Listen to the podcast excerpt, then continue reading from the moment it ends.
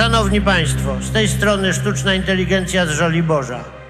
Zapraszam na wywiad podcastu dezinformacyjnego, bo my jesteśmy gotowi na dialog. Tylko trzeba mieć z kim rozmawiać.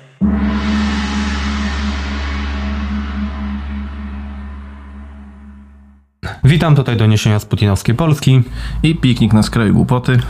I zapraszamy na specjalny odcinek naszego podcastu dezinformacyjnego. To jest odcinek wośpowy, czyli ten, który wystawiliśmy na aukcji WOŚP w styczniu. I rozmawiamy właśnie we dwóch z wielkim zwycięzcą naszej aukcji, który zapłacił za to oszłamiające 3050 zł, czyli mniej więcej trzy razy więcej niż ja obstawiałem, że ktokolwiek zapłaci i mniej więcej sześć razy więcej niż obstawiał piknik. E, I to jest, i to jest nasz gość, czyli uwaga, programista z Poznania, który jest z Poznania i jest programistą. E, witamy cię serdecznie, cześć. Dzień dobry, siema chłopaki. Ty poprosiłeś, e, znaczy zasugerowałeś taki temat, żebyśmy porozmawiali o pracy w Polsce, czyli o stosunkach, chciałem powiedzieć od razu feudalnych, ale do tego pewnie dojdziemy, e, o stosunkach od razu pracodawców e, z pracownikami i ogólnie o rynku pracy. I to jest bardzo fajnie, bo to jest temat, o którym ja na przykład prawie w ogóle nie piszę, więc dla, być może będę z jednej strony ignorantem, a z drugiej takie spojrzenie z zewnątrz może coś wniesie sensownego. Piknik tutaj na te tematy się troszeczkę częściej wypowiadał w jednym ze swoich bardzo głośnych tekstów. To chyba, a nie, to już po Rafale Wosiu napisałeś nawet. Okej, okay, to można tak mówić. Tak. Ale dobra, tyle, tyle wstępu. Panie programisto od Poznania, jakbyś mógł na początek powiedzieć, e, dlaczego ten temat, czy chciałbyś tu jakiś, nie wiem, wygłosić e, swój pogląd, manifest, jakąś refleksję, jakbyś ten temat zaczął? Manifestu na pewno żadnego nie będzie. To w ogóle nie jest mój pierwszy temat, jak gdzieś tam wspominałem w tej korespondencji z wami wcześniej. Tak naprawdę na początku, jak zaczynałem licytować, to chciałem e, porozmawiać o symetrystach, no ale nakręciliście dobry odcinek akurat w tym momencie, więc nie ma już chyba takiej potrzeby. Ten wątek się pojawił trochę dlatego, że jest kilka takich, inaczej, było kilka takich małych wątków wcześniej, które jakoś mi tak krążyły po głowie, trochę nie mogłem ich skleić w całość.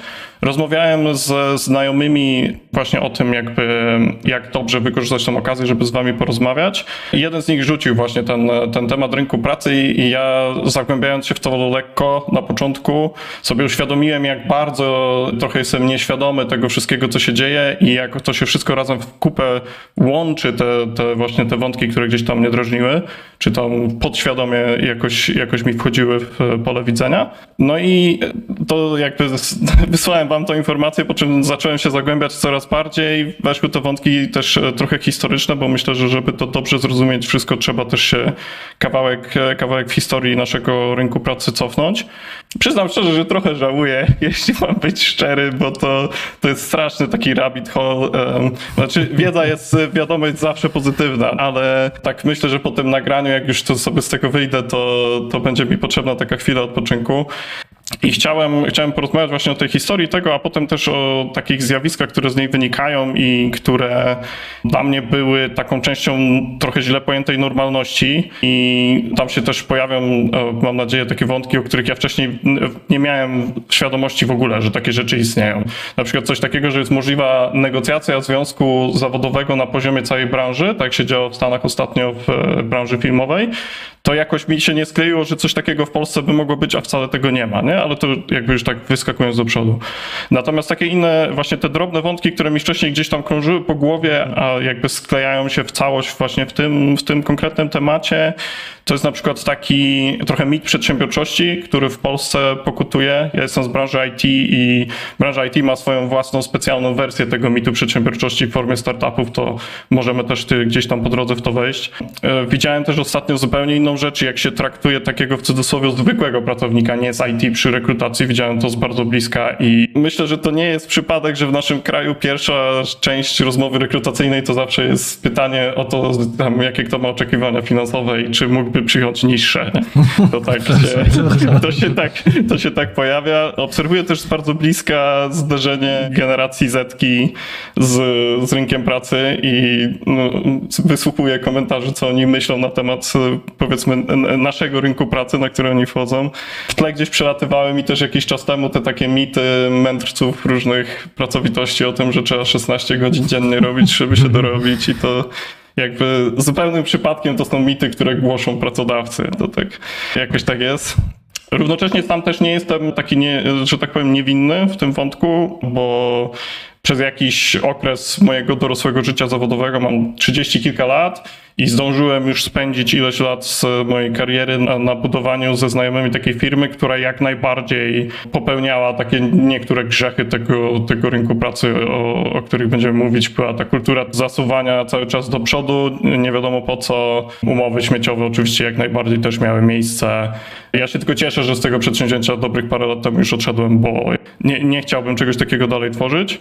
Samo mówienie też o tym oczywiście mnie nie rozgrzesza, ale chciałbym, żeby może chociaż jak to u jednej czy dwóch osób dzięki waszej platformie to wyląduje jako takie trochę ostrzeżenie, czy jakbyś większa świadomość tematu, to, to też by było fajne. Ten temat też jest taki, on jest strasznie głęboki. Jak się, jak się zacznie go tak dobrze rozkrzypywać, to potem się okazuje, że można dojść z drugiej strony gdzieś do tego też, jak nasz rynek pracy i w ogóle gospodarka się kształtuje na tle całej Europy co może być takim nawet przygnębiającym doświadczeniem, bo wczoraj już katując się kolejną godziną czytania różnych materiałów o tym, uświadomiłem sobie po raz kolejny, jak dużą zbrodnią e, było w wykonaniu naszej poprzedniej władzy blokowanie KPO, bo nasz, nasz rynek jako taki jest strasznie nie, niedofinansowany.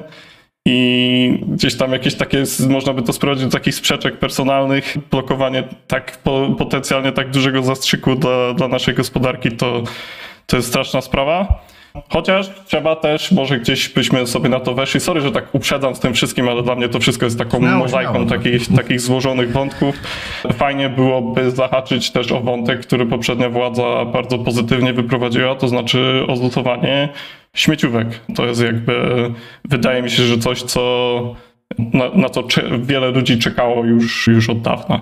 Także w, te, w, takim wcale nie skrócie tyle. Nie? To jakby jest taka, dla mnie ta, taka właśnie mozaika tematów i chciałbym, żeby mi ktoś położył taką dobrą też podstawę pod to historyczną. Sam o tym czytam. Pierwszy raz w życiu się zainteresowałem trochę bardziej historią i kontekstem tego, skąd się wziąłem też na rynku pracy i muszę powiedzieć, że trochę mnie to przytłoczyło. Także tak to wygląda.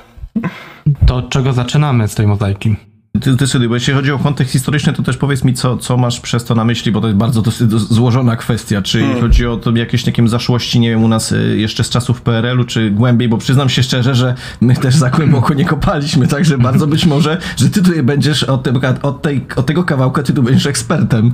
Aczkolwiek, aczkolwiek od, razu, od razu tylko powiem, że w kontekście jakby historycznym oczywiście można się dopowołać na przykład na profesora Andrzeja Ledera, na jego głośny tekst, ten był rzeczywiście głośny, to nie Rafał Woś, czyli relacja folwarczna. To jest taki dość długi esej, który on już oj, no już z kilka lat temu ładnych napisał, właśnie dokładnie o tym, e, czyli skąd się wzięła ta relacja władzy, nie tylko na linii pracodawca-pracownik, ale ogólnie w, takiej, w polskiej kulturze.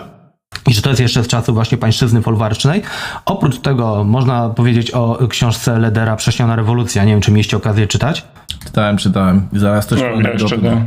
nie? To, to to, to za chwilkę powiesz anegdotę, a to tylko jakby powiem, ta książka generalnie mówi o tym, że w czasie dekady II wojny światowej i tuż po w Polsce doszło do ogromnej, ogromnej rewolucji społecznej tak naprawdę, tylko że ona była zrobiona cudzymi rękami. Jednego okupanta, a potem drugiego, dlatego my ją tak jakby prześniliśmy, ale że to ma konsekwencje do dziś, właśnie w, relacjach społecznych, bo całe grupy społeczne były poprzesuwane, jedna zniknęła, potem drugą wysiedlono, potem trzecią przesiedlono, ziemiaństwo jeszcze potem, czyli kolejną grupę społeczną kompletnie rozwalono i tak dalej, i tak dalej.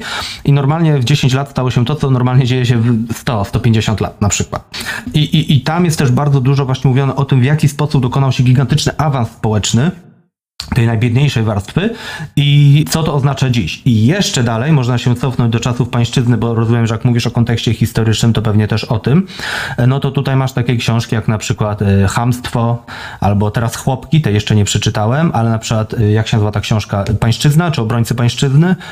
Obrońcy Pańszczyzny, tak. Obrońcy Pańszczyzny Leszczyńskiego, tak, Hamstwo Pobłockiego, więc jakby czy to masz na myśli mówiąc kontekst historyczny, czy na przykład chcesz zostać tylko w PRL-u? Bo to też jest wystarczająco dobry kontekst według mnie. Myślę, to znaczy, ja tak naprawdę szykując się, skupiałem się głównie na transformacji, na mhm. jej efektach i czyli mhm. jakby powiedzmy taki bliższy ten, ten kontekst, na jej okay. efektach, bo to jest tak powiedzmy w mojej tutaj kiełkującej świadomości taki moment przełomowy, który mocno, mocno ten aktualny rynek ukształtował. Nie czuję się kompetentny cofać się tak daleko aż, aż do tła, okay. chociaż no jakby pewne wątki z PRL-u absolutnie są potrzebne, żeby, żeby o tym też powiedzieć. No. Tu, wracając do tematu Ledera, ja powiem jedno, że ta książka, ona jest bardzo dobra, ale ona jest napisana takim językiem, że no, ciężko nie westchnąć, bo kojarzy mi się to ze studiowaniem socjologii i niektórymi tekstami Pierre'a Bourdieu, które były bardzo dobre, natomiast czy przebić się przez to było ciężko, to mamy całą książkę. Natomiast jeśli chodzi o tą anegdotę, to ja pamiętam jak się pojawiły zajawki tej książki Ledera, to się już od razu podniosło się oburzenie, że on tam gada jakieś głupoty, w Polsce nie było żadnego podziału klasowego i w ogóle co ten, co ten gość tam sobie gada, a mnie się przypomniała historia rodzinna, to są okolice Ożarowa, tam gdzie jest cementownia, tam moja rodzina, część mojej rodziny mieszkała i okazało się, że po wojnie doszło do mezaliansu, albowiem były tam na wsi dwa rodzaje chłopów. Byli chłopi dworscy, dworscy i ziemscy. Ziemscy byli, przepraszam, wsiowi i dworscy. Wsiowi byli ci lepsi, bo mieli własną ziemię, a dworscy byli gorsi, bo pracowali u pana. To było przed wojną. Bo w trakcie wojny i po wojnie dokonywała się ta przemiana, ta transformacja. I mimo tego nadal było tak, że jak mój dziadek, który był wsiowym, yy, wyszedł, ten wziął za żonę, yy, że tak powiem, dworską, to był straszny problem i był straszny mezalias. Mimo, że my to mówimy tutaj jednak w obrębie jednej, już nazywamy to jednej, jednej klasy społecznej i nawet tutaj był problem, także rozbawiło mnie to tłumaczenie, że ten leder na pewno nie ma racji. Natomiast ja bym naprawdę chciał, żeby te książki, no, nie, nie oszukujmy się, lewicowe były pisane trochę bardziej zrozumiałym językiem. Aczkolwiek, dlatego jeśli wspomniałeś o PRL-u, jest bardzo fajna e, książka na temat samego PRL-u, tego jak tam wszystko to wyglądało. Y, Karola Modzelewskiego, to była jego książka autobiograficzna, której mnie utkwił w pamięci jej fragment. I teraz oczywiście nie zacytuję go tak dokładnie, ale chodziło o to, że w którymś e, z zakładów pracy zaczęły się, miały się zacząć protesty, więc podniesiono pensje, ale podniesiono tylko i wyłącznie kierowcom. I to podniesiono je tak, że oni zarabiali kilka razy więcej od innych pracowników. No i skończyło się na tym, że za, zaprotestowali wszyscy z tego zakładu pracy, łącznie z tymi kierowcami, którzy dostali za dużo swojej, swojej opinii, za dużo pieniędzy i inni też powinni dostać. No wyobraźmy sobie taką sytuację teraz, że jakaś, jakaś warstwa, no nie wiem, menedżerska jakakolwiek dostaje podwyżkę i oni protestują. Jest, jest to trochę nierealny scenariusz. No. Tak szczerze mówiąc w tym kontekście to chyba musimy też jakby ja może swoją własną taką, nie wiem, autoironię, nie wiem jak to nazwać, ale na pewno nie jest to jakoś super logiczne w takim polskim zrozumieniu, że no ten programista dobrze zarabiający chce gadać o tym, jak jest ciężko na rynku pracy. To takie jest troszkę może nie na miejscu, ale w sumie jak jest okazja, to czemu nie? Ten, te tematy ogólnie też mają, nie wiem czy też to czujecie, ale one mają dość mało takiej no, ekspozycji w mediach, nie? Owszem. Krytyka polityczna pisze czasami w tych wątkach. Swego czasu na, e, kolega mi opowiadał o tym, że na Wyborczej pisała jedna pani, tylko już jej nie ma od zeszłego roku. Zapomniałem jak się, jak się nazywała. No, na Wyborczej, y, na Wyborczej jest duża różnorodność, bo jednak masz tam też Gadom, Gadomskiego, który, umówmy się, uprawia turbolipkizm. Wiedziałem, wiedziałem, że będzie o nim. E, pani Rodwadowska do zeszłego roku pisała na. na o, tak, tak, tak, była, była, była, rzeczywiście. E, no i nie wytrzymała chyba niestety. Mi się, mi się wydaje, że o tym y, to, to nie jest w takiej mainstreamie tej debaty, bo gdy poruszasz te tematy, to jest o, o Jezu komunizm od razu. E, my o tym mówiliśmy w odcinku, czemu, czemu lewicy nie idzie. Pan powoływaliśmy się o, na badania. One te badania będą po części zbieżne z tym, które mamy tutaj o, o pracy przygotowane. Że generalnie Polacy, jeżeli chodzi o ten stosunek do nazwijmy to szeroko, gospodarki, są dość mocno przesunięci w kierunku takiego mocnego liberalizmu. No i właśnie ty mówisz, że tutaj chcesz porozmawiać w kontekście historycznym o transformacji, czyli ostatnich 30 kilku, powiedzmy maks 40 tak, latach, tak, jak tak. tam zahaczymy o koniec PRL-u. I właśnie, czy masz może jakąś teorię dlaczego? Bo moja teoria nie jest tu w żaden sposób odkrywcza ani oryginalna. Ja po prostu uważam, że to jest wielkie wahnięcie wahadła, po czasach gospodarki centralnie planowanej, która no, była bardzo niewydolna. Jednak wiesz, jakby wszystko, co teraz y, za chwilę to będziemy hejtowali gospodarkę wolnorynkową i słusznie, bo trzeba. Natomiast tamta też była kompletnie niewydolna i że w pewnym momencie ton narracji narzucili tacy właśnie hiperliberałowie, no pierwotnie to był w ogóle Balcerowicz, no to już umówmy się, to turboliberalizm. E, dzisiaj to są te, te, te takie neoliberały bardziej, ale że jakby oni narzucili taki hiperindywidualistyczny ton, który miał być odwróceniem tego trendu, który przez te 40 lat PRL-u był, czyli że czy się stoi, czy się leży, 2000 się należy, że w sumie miliony ludzi wykonywały pracę, która się kompletnie nie opłacała, ale i tak ją wykonywali. Jakby tam zakłady przynosiły straty i tak dalej. Więc moja teoria jest taka, że po prostu wachnęło tak na 30 lat w drugą stronę i dopiero powolutku zaczyna to jakoś tam wracać. Ale może ty masz inną. Nie, ja się, ja się z tym zgodzę. Właśnie to zresztą jest taki, klucz tego może kontekstu właśnie e, rozmowy w tym takim krótkim kontekście historycznym, że to było bardzo trudne zadanie e, z tego co rozumiem, transformacja. Im więcej o tym czytam, tym bardziej się łapię za głowę, co e, jakby jakie wyzwanie przed ludźmi, którzy wtedy musieli dokonać stało. I jakby wszystko to, jakby całą tą rozmowę o powiedzmy jakichś błędach, które zostały popełnione, trzeba poprzedzić takim jednak stwierdzeniem, przynajmniej z mojej strony, że należy się bardzo duży szacunek, bo podjąć w takim, w takim momencie mm, historii i w takim momencie państwowości podjąć te decyzje, które oni podejmowali i tak zdecydowane akcje, to ja sobie sam zdaję sprawę z tego, jakie to jest niełatwe prowadząc malutką firmę, jakie, jak niełatwo jest podejmować niektóre trudne decyzje. Oni to zrobili, jakby to, to, jest, to jest jakby wstęp tego wszystkiego. Natomiast wybrali, nie wiem, przynajmniej ja nie miałem tej świadomości zupełnie zanim zacząłem zgłębiać ten temat, że po pierwsze istniały inne rozwiązania, te słynne modele skandynawskie, może któryś z was by mógł troszkę więcej o tym powiedzieć, a po drugie był też taki, minęło ileś lat i my nawet po drodze mieliśmy kilka takich momentów, w których można było troszeczkę gdzieś może spróbować podyskutować, spauzować jakieś korekty tego kierunku wywołać. Mm, i to się absolutnie nie wydarzyło.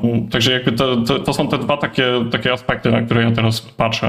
Ja się zdecydowanie zgadzam z tym, że e, nie, niezależnie od tego, jak bardzo krytycznie ktoś chce mówić o latach 90. o Balcerowiczu, a ja nie mam problemu z tym, żeby to krytykować oczywiście, to jednak e, osadzenie tego w kontekście jest niezmiernie ważne. Czyli tak jak ty mówisz, że to było bardzo trudne zadanie, wiesz, ono było trudne na bardzo wielu poziomach. Polecam, nie wiem, choćby książkę Joanny Solskiej, lata 80., chyba taki jest tytuł, czy tam po prostu 80., który pokazywał te patologie tamtejszej ówczesnej gospodarki. Przypomnę, że Polska wtedy zbankrutowała bodajże w roku 80 czy tam 81.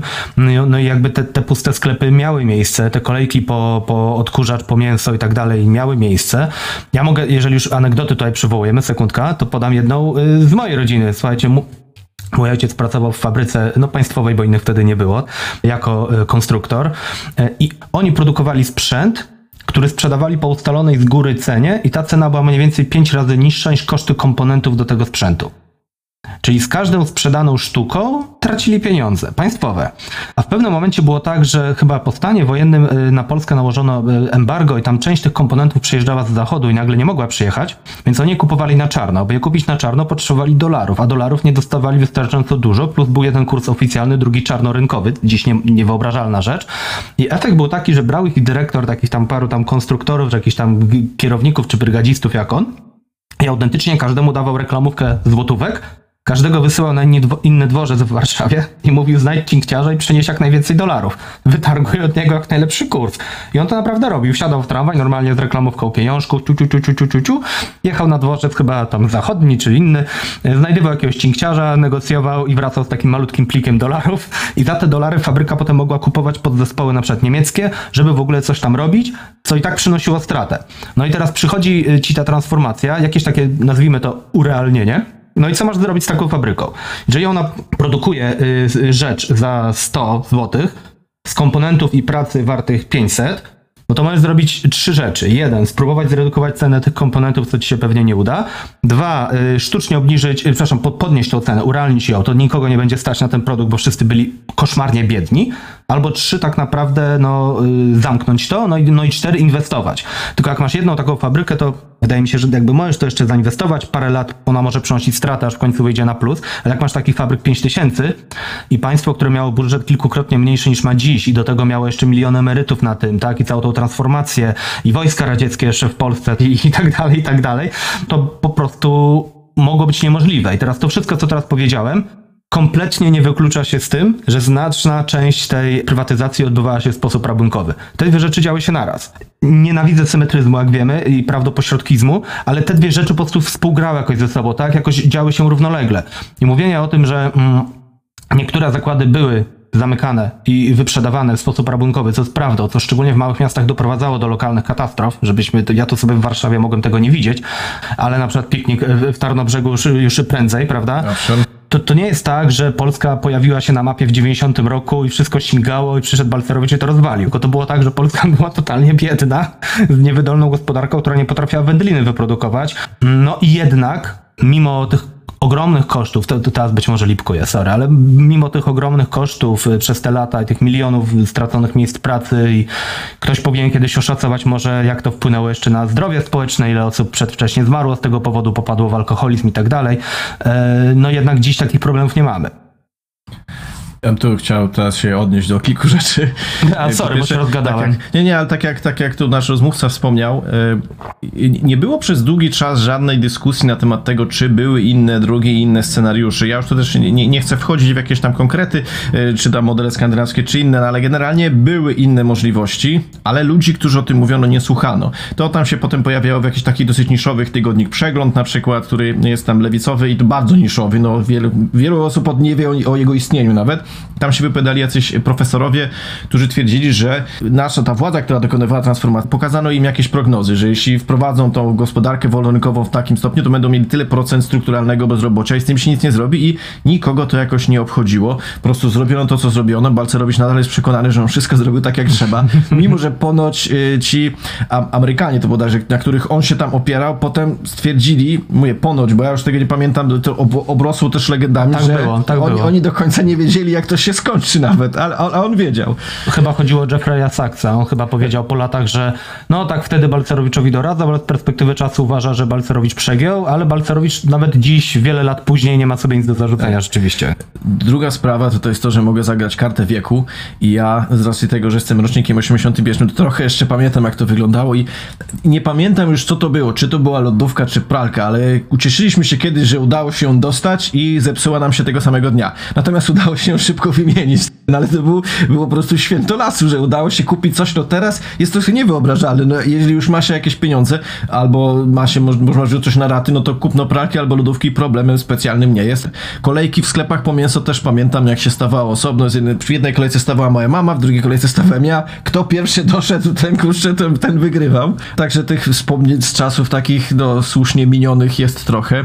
Było wtedy bardzo ciekawie. Jakby, pamiętam też, jeśli chodzi na przykład o samochody, zupełnie inna rzecz. Mieliśmy taki parking bardzo duży przed blokiem, który nam było bardzo pusto, no bo kto miał wtedy samochód? I jak zaczynały się komunie, a był wtedy czasy wyżu demograficznego, to ten parking się zaczynał zapełniać tak, że on był, wtedy pierwszy raz go widziałem jako dzieciak, że był pełny, no a potem jak już się to wszystko ruszyło, ludzie zaczęli kupować samochody, to już ten parking non-stop był pełny. Ja mówię, na, tym, ten, na ten temat mógłbym bardzo długo rozmawiać, ale wspomniałeś jeszcze o tym, jak to działo, działo z tymi firmami, no to w Tarnobrzegu był przecież Szerkopol, który padł i Tutaj sytuacja jest taka, że on nie mógł nie paść, gdyby, bo on zajmował się wydobywaniem siarki i w pewnym momencie okazało się, że tą siarkę można taniej y, odzyskiwać. Więc produkcja tej siarki była znacznie tańsza niż jej wydobywanie. Springer Filip napisał, miasto Archipelag, że na zwałowisku tego tam było chyba około miliona ton i to sobie leżało i czekało na lepsze czasy. Te czasy nie nadeszły. Na ten temat napisała książkę Magdalena Okraska, a czy nie tylko na temat Tarnobrzega, ale na temat eh, szeroko pojętej prowincji i ona zbudowała tam taką narrację, że ten Siarkopol padł dlatego, że to był spisek obcego, obcego kapitału. E, Rozmawiała z jakimiś ludźmi, generalnie z ludźmi z Tarnobrzega, którzy nie do końca wiedzieli chyba, co się stało, co jest o tyle dziwne, że większość ludzi tam jednak, która mieszkała, wiedziała, czemu to padło, że nie mogło to być, nie mogło być inaczej. W pewnym momencie było tak, że była szansa na to, żeby przekwalifikować to wszystko. Znaczy, nie wydobywać tej siarki, ale bo tam był też zakład przetwórstwa, robienie nawozów i tak dalej, tylko że się na to nie zgodzono, bo oznaczałoby to dużo zwolnień. No i skończyło się tak, że wszystkich trzeba było zwolnić, bo zakład padł.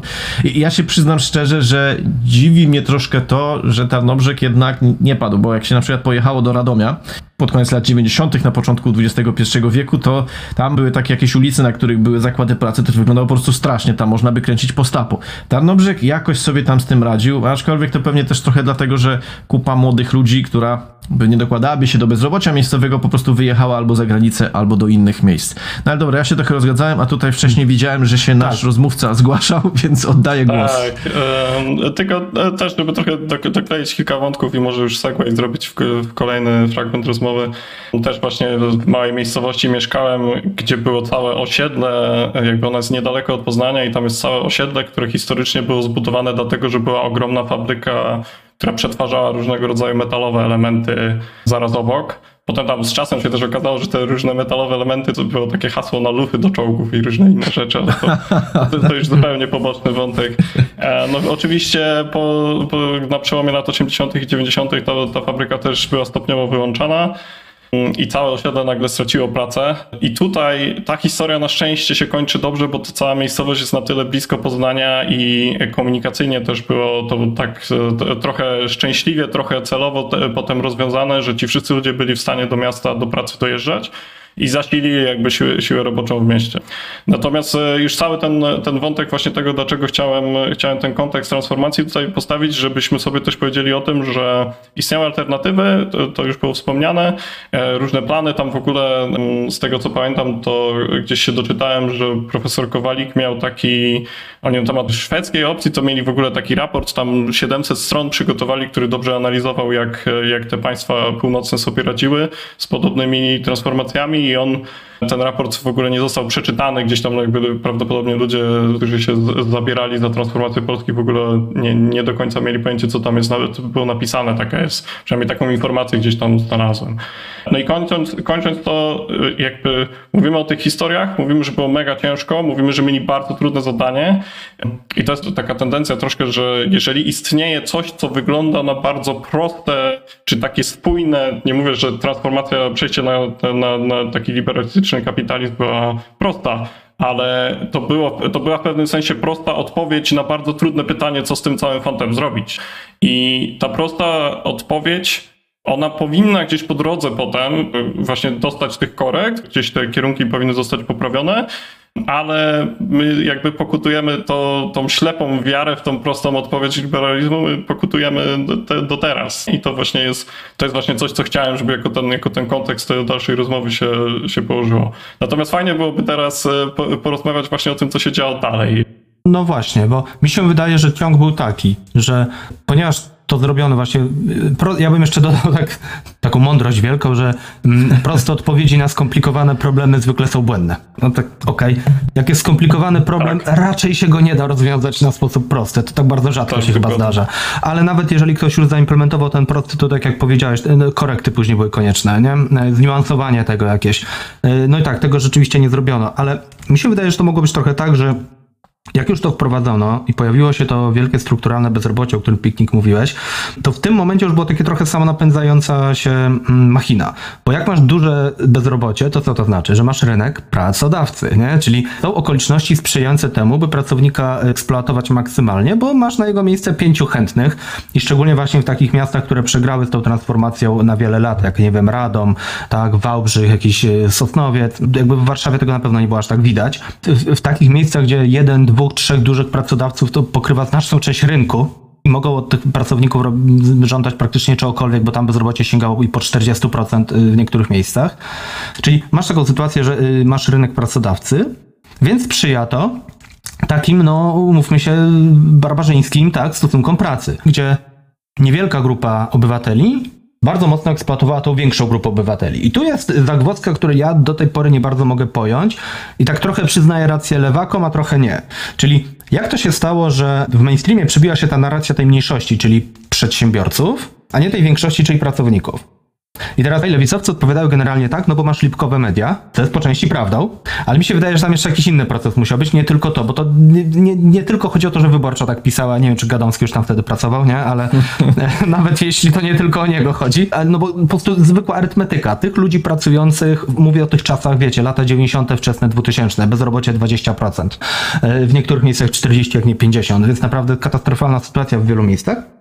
No siłą rzeczy pracujących jest więcej niż tych, którzy dają pracę. Ich głos się jakby zupełnie nie, nie, nie i on by może spowodował taką korektę. Jeśli chodzi o samą korektę, to zwróćmy uwagę na to, że ta korekta wymagałaby na przykład, no jakieś tam, no, w naszych realiach to by była rewolucja podatkowa, a u nas jakakolwiek propozycja wprowadzenia progresji podatkowej albo podniesienia składki zdrowotnej, o Jezu, komunizm, to się już nie da i tyle, zaraz nas straszą drugą Grecją, WWZ-ą i tak dalej. I to, to jest tak, że niezależnie od tego, kto rządzi, To jest to samo, to znaczy założenie jest takie, że każda władza, znaczy, przepraszam, każda opozycja mówi, że każda władza wprowadza za wysokie te podatki, ona będzie potem obniżać i to jest, i to naprawdę od wielu lat już trwa. Tutaj nie ma, nie ma za bardzo miejsca na jakąkolwiek korektę. Dobra, oddaję głos. Ja tylko się chciałem wtrącić, bo ja się trochę nie zgadzam. E, nasza e, poprzednia władza zła z wielu, z wielu przyczyn, ale no, udało im się odstosować te śmieciówki i udało im się też wprowadzić proporcjonalną stawkę zdrowotną i wykonać też ruchy, które, o których mogę tam z własnego doświadczenia trochę więcej powiedzieć, które powodują, że podatek liniowy też trochę zaczął mieć mniej sensu, przynajmniej dla niektórych. I to jest akurat, że tak powiem, plusik, małe słoneczko przyklejamy przy Ale zobacz, i nie, i nie, doprowadziło to do upadku gospodarki, jak niektórzy wieszczyli. Absolutnie nie. Tu, tu, jest też taka kwestia, że to są jednak no, takie ruchy no, bardzo, bardzo niewielkie. No. Zwróćmy uwagę na to, że teraz już, bo jestem podpięty pod newsletter wyborczej, od mniej więcej paru miesięcy dowiaduję się, że Tusk będzie cały czas obniżał składkę zdrowotną i to jest tak mniej więcej raz w tygodniu chyba, albo częściej, także widzisz, to jest tutaj, nie ma czegoś, nie ma takiego wagonu, którego nie można potem odczepić. No. Widzicie, bo jak podniesiesz składkę o 100 zł, to wszystkie firmy upadną, te, te, te tak. Widzowie tego nie widzą, ja się przed chwilą za głowę złapałem, bo nie byłem To prawda, potwierdzam, potwierdzam. Wracając jeszcze do tego wątku, który tam przed momentem poruszyłeś, czemu się nie przebijał głos, tutaj naprawdę ja bym jednak stanął po stronie, i to nie dlatego, że jestem lewakiem, ale po stronie lewaków w tym, w tym momencie, bo pewne głosy się po prostu nie przebijały, bo był tam tak zwany to gatekeeping w mediach, czyli nieprzepuszczanie pewnych informacji. Ewentualnie, gdy chodziło gdzieś do protestów, to na przykład pielęgniarki blokowały ulice, no to skupiano się na tym, że po prostu blokują ulice, że co one są, one sobie w ogóle sobą prezentują. Że przedsiębiorcy nie mogą pojechać do pracy. No też, też, oczywiście, a przedsiębiorcy to sól tej ziemi, wiesz. No. Znaczy, wiesz, wiesz, chodzi o to, że teraz to wyglądałoby inaczej. Teraz jak jest jakiś protest, są, jest internet, który, no, te algorytmy działają jak działają, ale ewentualnie ludzie mają szansę się o tym dowiedzieć. Natomiast wtedy, jak media się nad tym nie pochyliły, no to wiedzieli o tym ludzie w jakimś regionie, może ktoś miał gdzieś rodzinę, ale to się tak za bardzo nie rozlewało. Co jest trochę ciekawe, bo wcześniej, jak działała Solidarność za czasów PRL-u, jednak te informacje jakoś oni się potrafili dobrze zorganizować. Natomiast potem ta, chyba to jest kwestia tej właśnie takiej skrajnej atomizacji, że no już się nikomu nie chciało. No gdzieś tam w jakimś mieście protestowali, no ale to nie, co nas to obchodzi? No to jest inny zakład pracy, my tutaj nie możemy, nie, co, co, my będziemy tu protestować, to nas jeszcze zwolnią i, i, po co? Dobra, niech tam się dzieje, co się, co się chce. No. Wiesz, kwestia tego, jak te, jak te strajki, jak, te, jak to było przedstawiane. Pamiętam, jak był protest opiekunów osób z niepełnospra niepełnosprawnościami. Słowo mnie prawie pokonało. E, I one się odbywały zarówno za czasów zarządów Platformy, jak i zarządów PiSu i okazało się potem, że część argumentów, które wtedy padały i to powiedzmy sobie szczerze takich dość niskich, na przykład wy wy wyliczanie tego, że osoba jeżdżąca na wózku ma buty dobre. Pojawiał się ten argument zarówno wcześniej, jak i później. Ja też był protest nauczycieli przecież i wyciągnięto bodajże Dominice Wielowiejskiej, że gdy do takich protestów, czy protestów do jakichś takich konfliktowych sytuacji na linii ZNP, nauczyciele i władza dochodziło w latach rządów PO-PSL, miała troszkę inne zdanie niż później. Coś ty, Dominika Wielowiejska by tego nie zrobiła. Jak można tak mówić? Nie no, panowie, no, można zmieniać zdanie. O, oczywiście, nie, no tak, oczywiście. Można, można. Czy nie, ja, jest to, wiadomo, że to, nasz rozmówca teraz się śmieje, tak, że, bo, bo, nie widać na nagraniu, ale zobaczymy, co będzie teraz, bo, bo to też jest tak. ciekawe, czy, czy będzie sinusoida, czy to wróci, czy oni znowu będą tak bardziej lipkować, a mniej tutaj się właśnie pochylać nad ludem pracującym, czy też może się będą, może pewne zmiany zajdą. Yy, zwróćmy uwagę, to wybiegamy trochę w przyszłość, ale jeżeli chodzi o ograniczenie czasu pracy, no to do pewnego momentu to było wszystko, że to razemki sojowe, latte i tyle, co nie gadają, ale jak Tusk o tym powiedział, nagle tak. się okazało, że to jest mistrzowskie posunięcie, to jest dobry pomysł. że to, dobry to trzeba w tą stronę iść. Co więcej, Tusk zaproponował skrócić to jeszcze bardziej niż razemki, bo oni chcieli zrobić 7-godzinny, czyli do 35 tak, godzin, a on 4-dniowy, tak, tak, tak, czyli do 32. Jezu, komunizm. Jaki to lewak jest, no. Dobra, ale słuchajcie, wracając, bo tak tro, tro, trochę popadamy w tę dygresję, czyli czy, czyli, czy mniej więcej zgadzamy się y, z tym, że okej, okay, jeżeli się już nie cofamy tam do pańszczyzny, chociaż jeszcze o to zahaczę później, czyli y, zaczynamy od transformacji, były trudne warunki, ale można to było zrobić lepiej i zrobiono to gorzej. I to spowodowało między innymi wielkie strukturalne bezrobocie, co sprzyjało takiej folwarcznej relacji pracodawcy z pracownikiem, bo miałeś rynek pracownika. I dalej, rynek czemu ten głos tej pracodawcy? Y, pracodawcy, tak, oczywiście, oczywiście, przepraszam, pracodawcy, nie pracownika. I że dalej głos tej pracującej większości się nie przebijał z powodu, jak powiedziałeś, gatekeepingu w mediach, czy jakiejś takiej bariery medialnej. Okej, okay, no rzeczywiście zgadzam się z tym może bardziej niż powiedziałem wcześniej. No i teraz powiedzmy, jak ta relacja wygląda, bo chyba wydaje mi się, y, panie programisto z Poznania, że o tym chciałeś też w dużej mierze porozmawiać. Czy jakie są takie tak, największe, tak. największe bolączki tego? Czy to chodzi tylko o to, że nie wiem, ludzie dużo pracują, czy jeszcze o coś więcej? Tu jest kilka tematów. Jeszcze e, tylko podłapując na, na, sekundkę ten wątek mediów, pomyślę, że jakbyście kiedyś mieli czas i zrobili o tym cały odcinek, to tam jest bardzo dużo do eksploracji. No bo jak, jak media funkcjonujące też w tym kapitalistycznym układzie mają go zawsze krytykować. To, to jest cały tutaj temat. To od razu tylko, zanim pójdziesz dalej, to muszę wtrącić. Powiem tylko tak, to jest refleksja, która mnie naszła stosunkowo niedawno. Ja tego bloga swojego prowadzę już nieco ponad 3 lata i mhm. y, największym największą moją taką refleksją światopoglądową dotyczącą tego, jak tam funkcjonuje państwo i tak dalej w tym czasie, to jest moje y, zdanie o mediach, które się radykalnie w tym czasie pogorszyło. Zauważyłem, jak często nie wykonują poprawnie swojej pracy, ile w tym jest takiego tumiwisizmu, partactwa, zwykłego partactwa, lenistwa intelektualnego i tak dalej. I rzeczywiście część tych problemów, które mnie tutaj najbardziej bolą, o których wcześniej nie byłem aż tak świadomy, wynika z tego, że to są media komercyjne. Choć, y, żeby było jasne, te niekomercyjne, na przykład, no nie będę wymieniał, ale te, które się utrzymują tylko tylko z, ze składek, e, z, przepraszam, z darowizn, tak, e, czytelników, mhm. mają krótszą listę grzeszków, ale to są te same grzeszki. Ja to dodam, że bloguję ciutkę dłużej, bo już nie pamiętam, czy 2013, czy 2012, no jest trochę czasu i pamiętam jak zaczynałem od jakichś takich zwykłych tekstów i troszeczkę śmieszkowania, a w pewnym momencie okazało się, że do praktycznie każdej notki trzeba zrobić research, bo ty widzisz jakiś news, jest jakiś tytuł i można to wziąć za dobrą monetę. No, pisał to dziennikarz, który powinien dołożyć starań, żeby to było pisane rzetelnie. Po czym czytasz artykuł, okazuje się, że wcale nie, że czasami jest tak, że ten, to to, że czasami jest tytuł troszeczkę sprzeczny, ta treść jest sprzeczna z tytułem, to jest jedno, a czasami ten tytuł w ogóle nie ma nic wspólnego z treścią. Jest po prostu zwykłym clickbaitem i tyle. I mnie, ja pamiętam, raz się, znaczy parę razy mi się zdarzyło naciąć, ale raz bardzo spektakularnie, to było w trakcie procesu, y, protestu przed Trybunałem Konstytucyjnym, znaczy przed KPRM-em, ale to było, chodziło o Trybunał, jak razemici wyświetlali rzutnikiem na elewacji coś i zobaczyłem artykuł, w kilku miejscach się pojawiło, że Marek Suski powiedział, że oni uszkodzą w ten sposób elewację. No ponieważ tak sobie brzmiało to dosyć wiarygodnie, bo jednak chodzi o Marka Suskiego, zrobiłem z tego obrazek, a potem się okazało na drugi dzień, że absolutnie nikt tego nie powiedział, więc sobie wyszukałem. Okazało się, że Newsweek sobie po prostu o tym napisał, a wszyscy, cała reszta wzięła z Newsweeka. Wzięło się to stąd, że w szkle kontaktowym ktoś sobie z tego zażartował. I to wystarczyło, żeby napisać o tym artykuł i nie sprawdzić w ogóle skąd się to wzięło.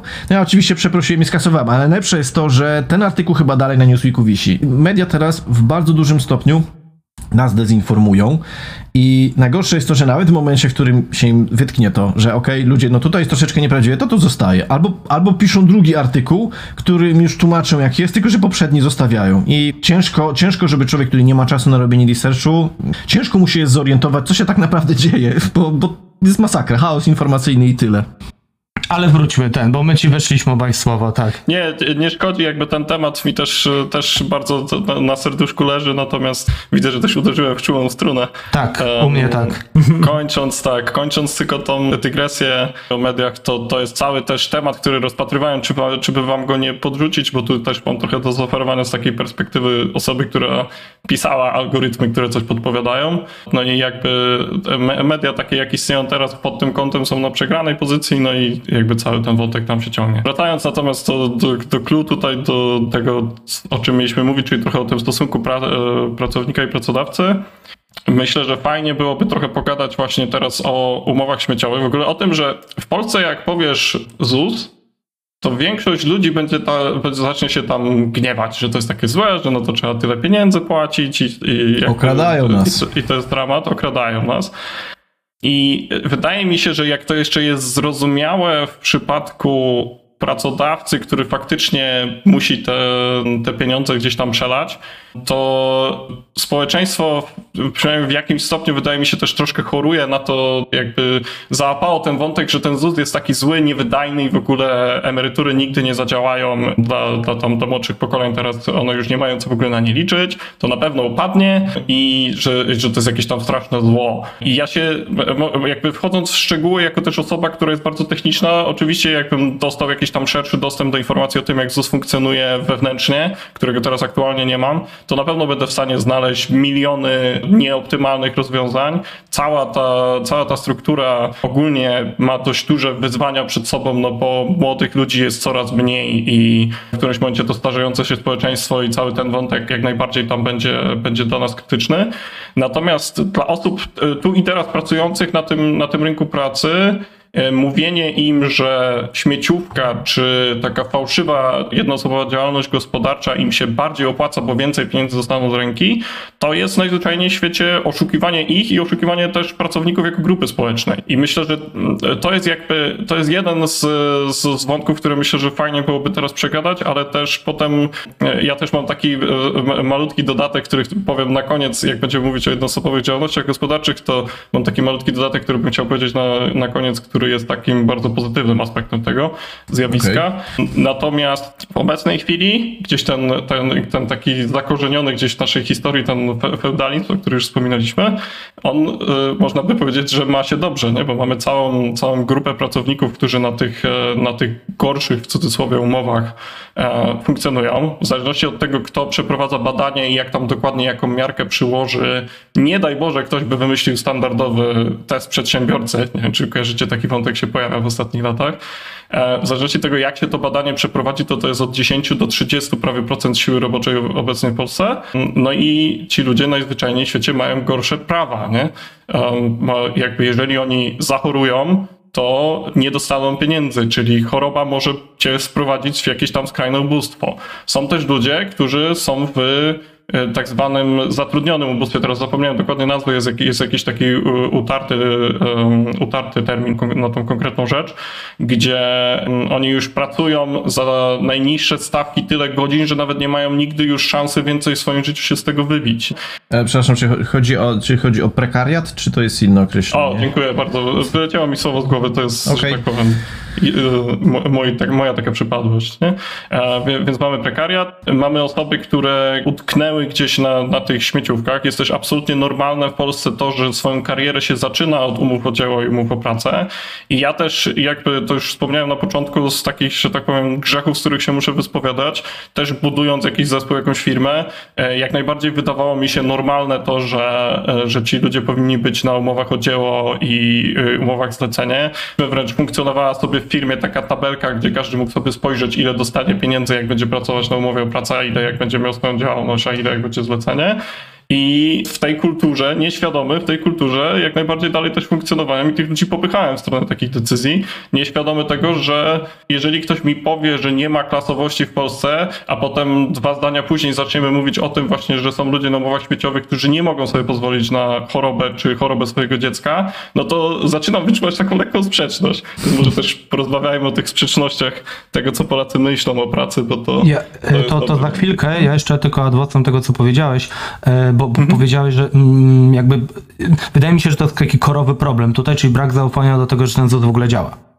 No bo e, jakby, że ty jako pracodawca, jak tam miałeś jakiś, jakiś tam startup czy jakąś tam firmę, e, że tobie było na rękę wziąć pracownika na umowę śmieciową, to jest oczywiste, bo płaciłeś mniejsze składki i mogłeś jakby częścią tej różnicy podzielić się z pracownikiem. Natomiast to, mm, o czym nikt jakby nie myśli, bo to się ma stać za 30 lat, szczególnie jak to jest młody pracownik, to, że on, po prostu dostaje za to y, albo żadną, albo prawie żadną składkę emerytalną odprowadza, więc y, dostanie żadną albo prawie żadną emeryturę. I teraz dlaczego pracownik miałby się na to zgodzić? No więc wydaje mi się, że z jednej strony to jest po prostu taki mechanizm psychologiczny. Masz do wyboru 100 zł teraz albo 200 zł za rok. Wiele osób zdecyduje się na 100 zł teraz. I my tutaj sobie możemy mówić, że ho, ho, ho, jesteś tak po protestancku, taki wiesz, wstrzemięźliwy i umiesz długofalowo planować, ale nie każdy tak ma po prostu. Ale druga rzecz jest taka, że to jest właśnie to przekonanie, że ten ZUS to wiesz, to nie działa, padnie i tak dalej. Teraz sobie sprawdziłem, jak mówiłeś. Słuchajcie, Pytanie do Was. Ile według Was, to są dane z 21 roku z GUS-u, już teraz na szybko nie szukałem nowszych, ile Polska wydała na świadczenia emerytalno-rentowe? O Jezus, teraz mnie kurczę zabił pytaniem. Obstawiałbym jakieś, nie wiem, ech, nie wiem, 30%. Rzucam 30%, nie mam pojęcia. Wiem, że to może być dosyć sporo. A, to by, to by było około 30, może trochę mniej procent e, budżetu. E, Słuchaj, 200, 277 miliardów. Pytanie drugie. Ile kosztuje ZUS? Tu już informacja z, który to mi tutaj 23 rok chyba wyszedł. 4, nie, ponad 4 miliardy. U nas jest straszliwie zmitologizowane to, że e, na przykład NFZ, że ZUS, że jakiekolwiek administracja publiczna, że ona jest strasznie droga. Tak. No i jak się patrzy na to przez pryzmat tego, że na przykład tam kancelaria e, Rady Ministrów, e, czy kancelaria premiera coraz większy, coraz większy budżet ma, nie mówi się czym się zajmuje, no to człowiek widzi to, wyobraża sobie, że oni sobie te miliony ładują do kieszeni i okej, jeżeli chodzi o naszą poprzednią władzę, nie można tego wykluczyć, że tak właśnie to wyglądało, co pewnie będzie tam przedmiotem audytów, ale u nas jest administracja publiczna straszliwie znienawidzona i nawet się zastanawiam, czy to nie jest jakiś relikt właśnie, który nam został po PRL-u, że jak coś jest państwowe, to jest złe. Ja myślę, I że to tak. na pewno jest niewydolne i że na pewno gdyby przyszedł kurczę jakiś kapitalista, to on by zrobił to lepiej. No na przykład tak, tak jak się tłumaczy, że powinna być prywatna służba zdrowia. Służba, bo już nawet nie nazwano tego ochroną, to by była służba zdrowia i to, to już troszeczkę tak to meandruje na obrzeżach, ale Czasami bywa o tym głośno i, i, i nikomu nie chce się mówić o tym, że gdybyśmy mieli tą prywatną ochronę zdrowia, tak jak w Stanach, to byłoby tak jak, dokładnie tak jak w Stanach, by takie patologie, że ludzie, którzy chorują, potem, którzy są terminalnie chorzy, to już są, robią się autentycznym obciążeniem dla rodzin, rodziny tam, ludzie tam bankrutują, bo Państwo zarabiać na ochronie zdrowia nie musi, a prywatna ochrona zdrowia musi na sobie zarabiać, bo inaczej by nie funkcjonowała. Chciałem zejść od razu na inny wątek, ale wątek sprzeczności, jeśli chodzi o podejście do rynku pracy, no ale jeszcze zostańmy na moment przy tej administracji. Ja się zastanawiam, czy. Bo na samym początku mówi. Kto zaczął u nas mówić o tym, że ten ZUS będzie niewydolny? Czy to był pan z muszką, czy ktoś więcej? Czy nie, nie, nie, nie pamiętam po prostu, bo wiadomo, że Korwin-Mikke wszystko by chciał prywatyzować. Ale wiesz co, ja nie wiem, czy to Korwin zaczął, czy nie, ale ja to słyszę od kiedy pamiętam. Od kiedy pamiętam, słyszę, że Ja za też. kilka lat ZUS upadnie. No po prostu, i on jakoś tak ciągle nie chce upaść. I ci ludzie zapomniały dodać jeszcze jedno. On się opiera na tym funduszu ubezpieczeń społecznych, który jest bezpośrednio związany z budżetem. ZUS może zbankrutować, to się stanie wtedy, gdy zbankrutuje Polska jako państwo, a na to się nie zanosi. Nie oszukujmy się, nam jest jakaś potrzebna jakaś reforma, reforma emerytalna, ponieważ teraz to w jaki sposób jest przeliczana emerytura wygląda, wygląda zupełnie inaczej niż wcześniej. Wcześniej bodajże było chyba 10 najlepszych lat składkowych, które wybierano, jakoś tam, jakoś tam to przeliczano. Teraz masz to, ile sobie uzbierasz. No i właśnie tak jak mówiliśmy, jak ludzie są na tych śmieciowych umowach, na jedno, jednoosobowych działalnościach gospodarczych i tu też warto jedną dygresję wspomnieć, że u nas jesteśmy chyba krajem, w którym są najbardziej przedsiębiorcze pielęgniarki, bo przecież pielęgniarki były wypicha, wypychane na tak zwane kontrakty, czyli na jednoosobowe, jedno, jednoosobową działalność gospodarczą, a to też było bardzo sprytne, ponieważ pielęgniarek jest za mało, no to muszą pracować więcej. Na normalne umowy o pracy by nie mogły pracować, ale jednoosobowa działalność gospodarcza, jeden szpital, drugi szpital i można 48 godzin z rzędu robić. Yy, jakie to może mieć efekty? No lepiej nie mówmy, bo no, człowiek jednak nie jest maszyną.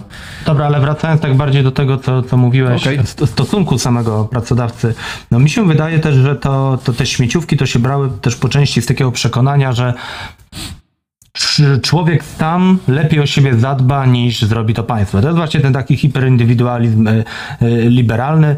Nie? Każdy jest kowalem własnego losu. Dokładnie tak. I że jakby ja rozumiem, że w PRL-u te instytucje działały różnie i że Polska, Polska w ogóle ma słabą historię mocnych instytucji. To można sięgnąć naprawdę znacznie dalej niż tylko do PRL-u. I że ludzie im generalnie nie ufają. Ja u siebie w domu widziałem to, tak byłem wychowany w takiej kulturze, że państwo nigdy, ni- nigdy to nie działa, nigdy. Czy to chodzi o edukację, czy służbę zdrowia, czy ZUS, czy administrację publiczną, nie ma opcji, żeby to dobrze działało. Najlepiej to by działało tylko prywatne. No był, ocierało się to o korwinizm, nie ukrywam. E, I teraz wydaje mi się, że ludzie bardzo nieufnie podchodzą do tego, że ty masz państwu coś dać i ono ci to za 30 lat odda. Że y, dlatego na podatny grunt padają właśnie takie korwinizmy, że nie, nie, nie, jak ty sobie będziesz odkładał te pieniądze po prostu do skarpety, to ty lepiej o siebie zadbasz. Podczas gdy prawda jest taka, tak jak wspomniałem, czy chcesz mieć 100 zł teraz, czy 200 za rok, znaczna część ludzi bierze 100 zł teraz. I gdyby, gdyby tak kompletnie pozwolić ludziom tylko odkładać samemu sobie na emeryturę, to za 30 lat po prostu by umierali na ulicach z głodu. Bo by się nagle okazało, że nie pykło, nie pykło. Ja, ja tu jeszcze dodam coś takiego, że czasami te instytucje no, nie są zoptymalizowane. Ich działanie jest takie dalek, dalekie bardzo od optymalnego.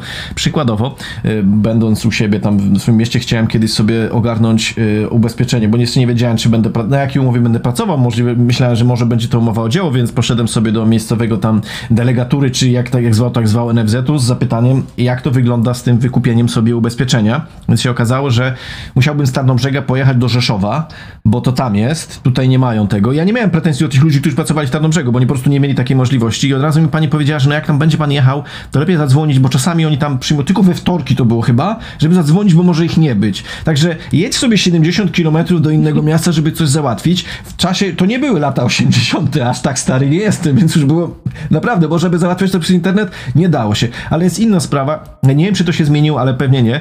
Na przykład renty rodzinne. Moim zdaniem e, psim obowiązkiem ZUS-u powinno być wypłacanie tych rent. Jeżeli ktoś, ale u nas to wygląda tak, że one owszem wypłacają, pod warunkiem, że ty się zwrócisz o to. I no, wydaje się, że to jest wiedza powszechna, ale czasami tak nie jest. Ludzie naprawdę mogą nie wiedzieć, że jej przysługują im jakieś pieniądze.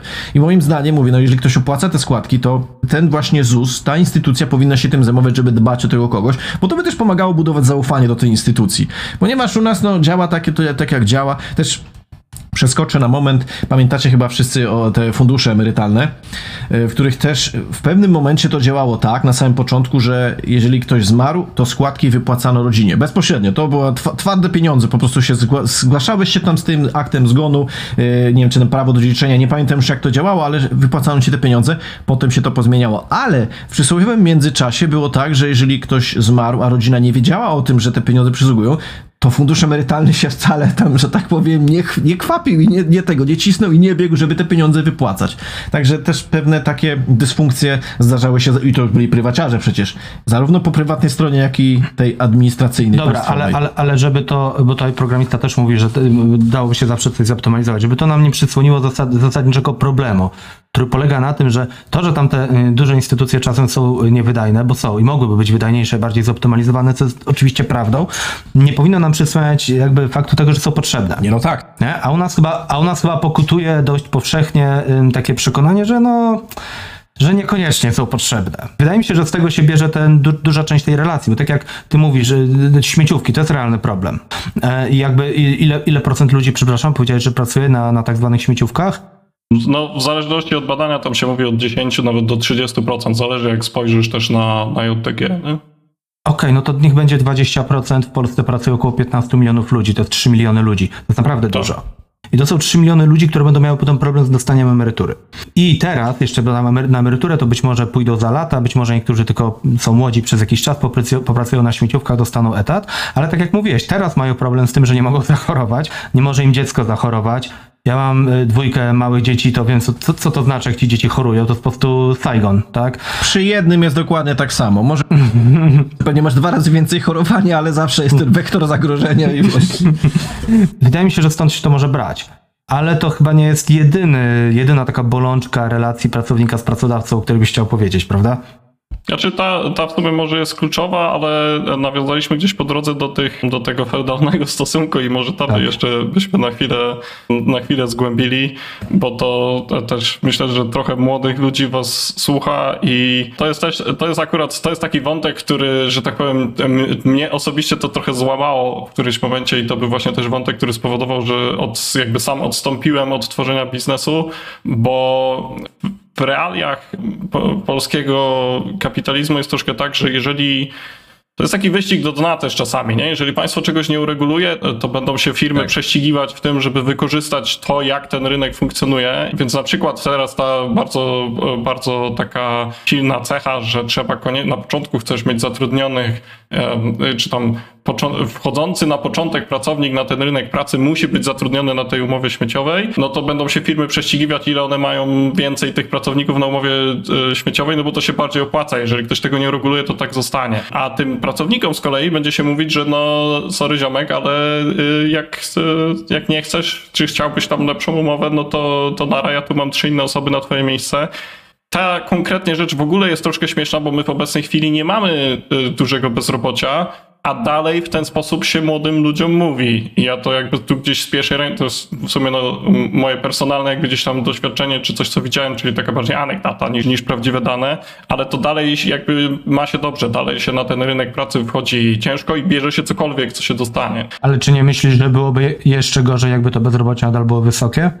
Oj, no właśnie to jest jedna z takich rzeczy, które mnie przeraziły i troszkę to taki już taki personalny wątek.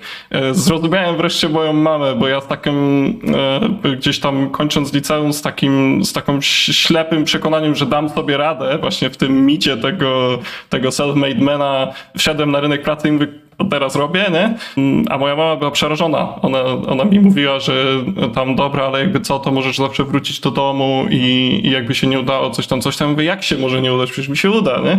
A, a ona właśnie, no jakby widziała na własne oczy, co się dzieje na rynku, jak bezrobocie ma, jest 20% i sobie zdawała z tego sprawę, jakby ja wtedy tego nie rozumiałem. Jest jeszcze jedna kwestia, bo umowy śmieciowe na samym początku pracy to jest jedno, ale u nas dalej są środowiska, które bronią darmowych staży. No bo wiesz, jak zaczynasz, no to ty sobie kurde weź darmowy staż, tyraj tam. Ja pamiętam taką sytuację, co z czasów studiów. UJ w pewnym momencie sprawił tak, że każdy nam chyba na każdym dzień, każdy pracował, pracował, studiował dziennie, musiał sobie załatwić gdzieś jakieś praktyki albo staże i znajoma z akademika tam z pokoju obok robiła staże jakieś, nie pamiętam w jakiej, ale generalnie firma działała na tej zasadzie, było tam kierownictwo, było tam jakieś kadra zarządzająca i około 200-300 stażystów właśnie tak napędzanych przez tą uczelnię, staż się kończył, no to wypadałoby kogoś zatrudnić, tylko że wcale nie. Po prostu była rotacja tych stażystów. Ja nie mam pojęcia, co to była za firma.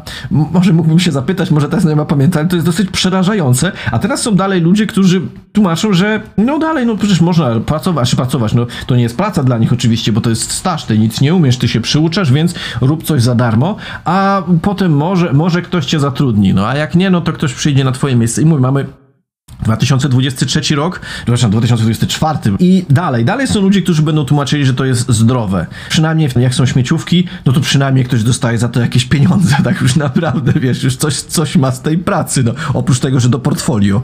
Ja mam tylko taką prośbę, jakbyś mógł teraz, bo, bo, bo pewnie będziesz piknik pamiętał, kto to, kto tak właśnie w mediach rok czy dwa temu tak zafunkcjonowało, ktoś opowiadał o tym, że te 16 godzin dziennie, jakbyśmy płynnie przeszli Matczak. z tego, jak praca Matczak. A, dziękuję, tata Maty. Jakby ktoś, jakby ktoś przypomniał dokładnie, co tam tata Maty powiedział. A to tak słowo, słowo to nie, nie pamiętam, możemy oczywiście zaraz sprawdzić, ale tam generalnie on powiedział coś takiego, y, lewicę krytykował, tylko już teraz nie pamiętam, czy razem, czy, czy ogólnie lewicę. I powiedział coś takiego, że no nie wydaje mu się, żeby lewaki byli w stanie pracować po 16 godzin na dobę, żeby os- osiągnąć sukces. Ale uwaga, y, jakkolwiek to był, to był kult tego zapitolu, y, tak, at its finest, nie? To była jakby esencja tego. Trzeba jeden niuans tylko dodam. To nie to, żebym Matczaka bronił, bo ja go mało lubię raczej, ale ten niuans jest chyba potrzebny. Wydaje mi się, że tu jest dosyć ważne rozróżnienie na tak zwane career jobs i non-career jobs. Tak. Czyli jeżeli pracujesz, okej, stereotypowo na kasie w Biedronce czy w jakimś dyskoncie, to czy pracujesz 8 godzin, czy nie wiem, 12, to zarobić te 4 godziny więcej to jest właściwie jedyna różnica, bo tam nie ma praktycznie ścieżki awansu. Raczej nie ma. Natomiast jeżeli jesteś na przykład młodym prawnikiem, lekarzem, kimś takim, inżynierem, jak najbardziej masz, jest w ten zawód wpisana pewna ścieżka awansu i rzeczywiście pracując więcej, masz bonus powyżej tego, że po prostu proporcjonalnie do czasu spędzonego zarobiłeś więcej pieniędzy, bo na przykład dostajesz pieniądze za godzinę. Czyli na przykład jeżeli jesteś powiedzmy młodym inżynierem, jesteś w jakimś startupie albo programistą, prawda? No to też inżynier w sumie. Jesteś w jakimś tam startupie. Mm, To różnica między tym, że pracujesz e, 8 godzin, a 16 to nie będzie po prostu dwukrotna, tylko na przykład trzykrotna. I szybciej założysz firmę i być może szybciej ci się coś uda i tak dalej. Więc nie to, żebym Matczaka bronił, ale trzeba, trzeba wydaje mi się pamiętać, że są pewne zawody, w których rzeczywiście to ma, może przynieść owoce. Abstrahuję zupełnie od tego, czy to jest dla ciebie dobre, jak długo jesteś w stanie to wytrzymać, do czego za chwilę przejdziemy. Ale przynajmniej może ci to coś przynieść. Ale są zawody, gdzie ludzie, i to, są, to jest los wielu, wielu ludzi, którzy po prostu pracują grubo ponad 8 godzin i nie mają z tego absolutnie nic ponad to, że dostają troszeczkę więcej tych godzinówek. I, i, I to jest bardzo ważne rozróżnienie. Ale oczywiście Matczak został odczytany tak, jakby mówił, że nie, po prostu siedź w tej Biedronce 16 godzin, to będziesz milionerem potem. Tak nie będzie. To tak nie będzie. Takie dwie anegdoty. Jedna to jest, y, jak pamiętam jeszcze jak pracowałem jako fizyk, y, czyli jako pracownik fizyczny, robiliśmy remont też w Radomiu właśnie w jednej z hurtowni alkoholi i tam był, no to jest anegdota, o której ja często wspominam, też pisanie więcej, ale to jest warto to powtórzyć. To był rok 2003 bodajże. Byli tam agenci ochrony, no hurtowni alkoholu wiadomo, trzeba to pilnować i oni zarabiali wtedy na godzinę chyba 2,30. E, Nie pamiętam czy brutto czy netto, bo się już nich nie pytałem, bo ja jako łopaciarz zarabiałem kilka razy więcej. Więc gość, który tam musiał chodzić, chyba 16 godzin, oni pracowali po 16 godzin na dobę, no bo i po tych 16 godzinach to oni mieli 30 parę złotych na dzień. To jest dniówka jakaś po prostu potwornie wysoka. Natomiast późniejsze czasy to był już jakieś 2015-14. Jeden z moich kolegów e, pracował też jako detektyw sklepowy i on też pracował 16 godzin na dobę i no nie wiem, on nie po to, żeby jakąś karierę zrobić, tylko dlatego, że no wyjściem było niepracowanie i to, że nie będzie miał, będzie miał dużo mniej pieniędzy. I oczywiście, no mówię, tak jak, tak jak powiedziałeś, no to są career job, non-career jobs i on chyba uważa, że wszystkie są takie same właśnie, że te, te wszystkie prace są pracuj, to wtedy to, to, się wtedy dopracujesz. Zaraz jeszcze przejdziemy w dalszej części przejdziemy do wyników badań, które są też bardzo ciekawe. Ja taki tylko chciałem właśnie tak w, w kontekście tych takich prac bez kariery troszkę w takiej szerszej perspektywie, bo mówiliśmy o, tej, o tym, jak tam z tej transformacji te różne rzeczy wyszły i generalnie jest taki konkretny wątek, który polecam wam, nie wiem czy go znacie, ale też może tam słuchaczom, żeby poczytać o sprawie portierów z Poznania. To jest coś, co tutaj się odbywało na, na, na naszym rynku i to widziałem z bardzo bliska całą tą sytuację. Ogólnie ta branża właśnie ochroniarzy, portierów, e, też częściowo sprzątaczek, sprzątaczy, to są branże, które do teraz mają w cudzysłowie przerąbane. One jakby nigdy nie, e, nigdy nie miały silnego głosu i one też dostały bardzo silnym rykoszetem. Już ten wątek się troszkę przewinął, ale myślę, że warto go też nazwać, bo jest też mit taniego państwa. I już zdążyliśmy gdzieś tam o niego zahaczyć. Wydarzyło się coś takiego e, po drodze, wydaje mi się, że to gdzieś między 2005 a 2007 rokiem, że to, to tanie państwo zaczęło być gdzieś tam bardzo mocno promowane, chociaż daty może nie ktoś poprawi bo ja nie, nie jestem pewien. Natomiast to spowodowało między innymi to, że osoby, które były zatrudnione właśnie na portierniach czy przy sprzątaniu w instytucjach e, państwowych, zostały przeniesione do firm zewnętrznych, które potem tak. miały tą samą usługę dostarczać. I to jest coś, co tu bym może polecał też przeczytać tą książkę Marka Szymaniaka e, Urobieni, bo ona właśnie zaczyna się od wątku takiej, takiej pani, która w, te, w ten sposób została potraktowana. No i to się kończy oczywiście tym, że ona jest nagle ląduje na tej, na tej śmieciówce, a dalej sprząta tą samą państwową instytucję, którą, którą wcześniej sprzątała. Tylko ci wtrącę, bo sprawdziłem na szybko, tak, tak mi się wydawało. Tanie Państwo to był program PiS 2005 roku. O, dziękuję. Czyli e, nawet... chcieli tam, o, o, tak nasz, teraz czytam tylko lead z money.pl właśnie z września 2005. Ograniczenie zatrudnienia w administracji państwowej o 20%, likwidacja Rządowego Centrum Studiów Strategicznych, Rządowego Centrum Legislacji, Narodowego Funduszu Zdrowia, a także powołanie Głównego Urzędu Skarbowego. To tylko niektóre propozycje PiS zawarte w programie Tanie Państwo. E, to młodszym słuchaczom może przypomnijmy, bo znaczy poinformujmy, PiS był kiedyś bardzo neoliberalny. Oj, bardzo, bardzo. bardzo PiS, się, PiS się odkrył jako partia prosocjalna około 2013-2014 roku, dopiero wtedy. Tu jakby kontynuując właśnie, bo to dokładnie w to się wpina ten wątek tu poznański, o którym chciałem powiedzieć. Tutaj to skończyło się tym, że na przykład firmy, które tam gdzieś pilnowały czy sprzątały urzędy miasta, one e, wywołały swego rodzaju taką karuzelę umów, gdzie były te umowy pracownicze przenoszone od jednej firmy do drugiej, mimo że teoretycznie prowadziła to tam jedna czy ta sama, ta sama osoba. Nie pamiętam wszystkich szczegółów, ale no to oczywiście skończyło się strasznym traktowaniem tych pracowników, którzy to, to, to faktycznie robili, a całość została wywołana de facto tym tanim państwem i tym, że Urząd Miasta gdzieś chciał jakieś oszczędności zrobić i nie miał swoich pracowników, tylko ogłosił przetarg przetarg na dostarczenie tych usług. No i to tak naprawdę jest, czyli to jest sprawa, która zaczyna się w 2005 roku, gdzieś ma swój początek, a kończy się tym, że jest teraz rok 2023. A, to ja się już też pomyliłem, 2024. A, przepraszam, jest 2024. Ciągnie się seria pozwów o to, ci ludzie nie mogą dojść do, do, do jakby do swoich roszczeń. Część z nich w ogóle już nie żyje niestety, bo to były osoby starsze i no nie mogą dojść do sprawiedliwości, nie mogą dojść do tego, żeby im po prostu zapłacono za pracę, którą wykonywali. No mówię, no to jest trochę straszne. Myśmy zmarginalizowali część społeczeństwa w ten sposób. I teraz profesor Matczak by powiedział, że gdyby tylko wcześniej wstawali, nie pili kawy na mieście i robili po 16 godzin dziennie, to by osiągnęli sukces. Ja tak, tylko takie małe wtrącenie, nie wiem, czy masz gdzieś tam, żeby e, jakby zamknąć poprzedni temat e, tych, tych 16 godzin pracy, masz gdzieś tam dane może o tym, ile Polacy pracują na tle Europy, a jaka jest wydajność tej pracy? O wydajności akurat sobie nie przygotowałem, ale o godzinach owszem. E, więc tak, tu mam porównanie, to jest ze strony Our World in Data i tutaj mam porównanie, tu można sobie wybierać kraje, ja wybrałem Stany Zjednoczone, Australię, Wielką Brytanię, Szwecję, Belgię, Francję, Niemcy. No i generalnie rzecz biorąc, tutaj nie wiedzieć czemu najnowsza data jest 2017 rok, nie wiem czemu, no ale dobra. Polacy w tym 2017 przepracowali średnio 2028 godzin, w skali roku.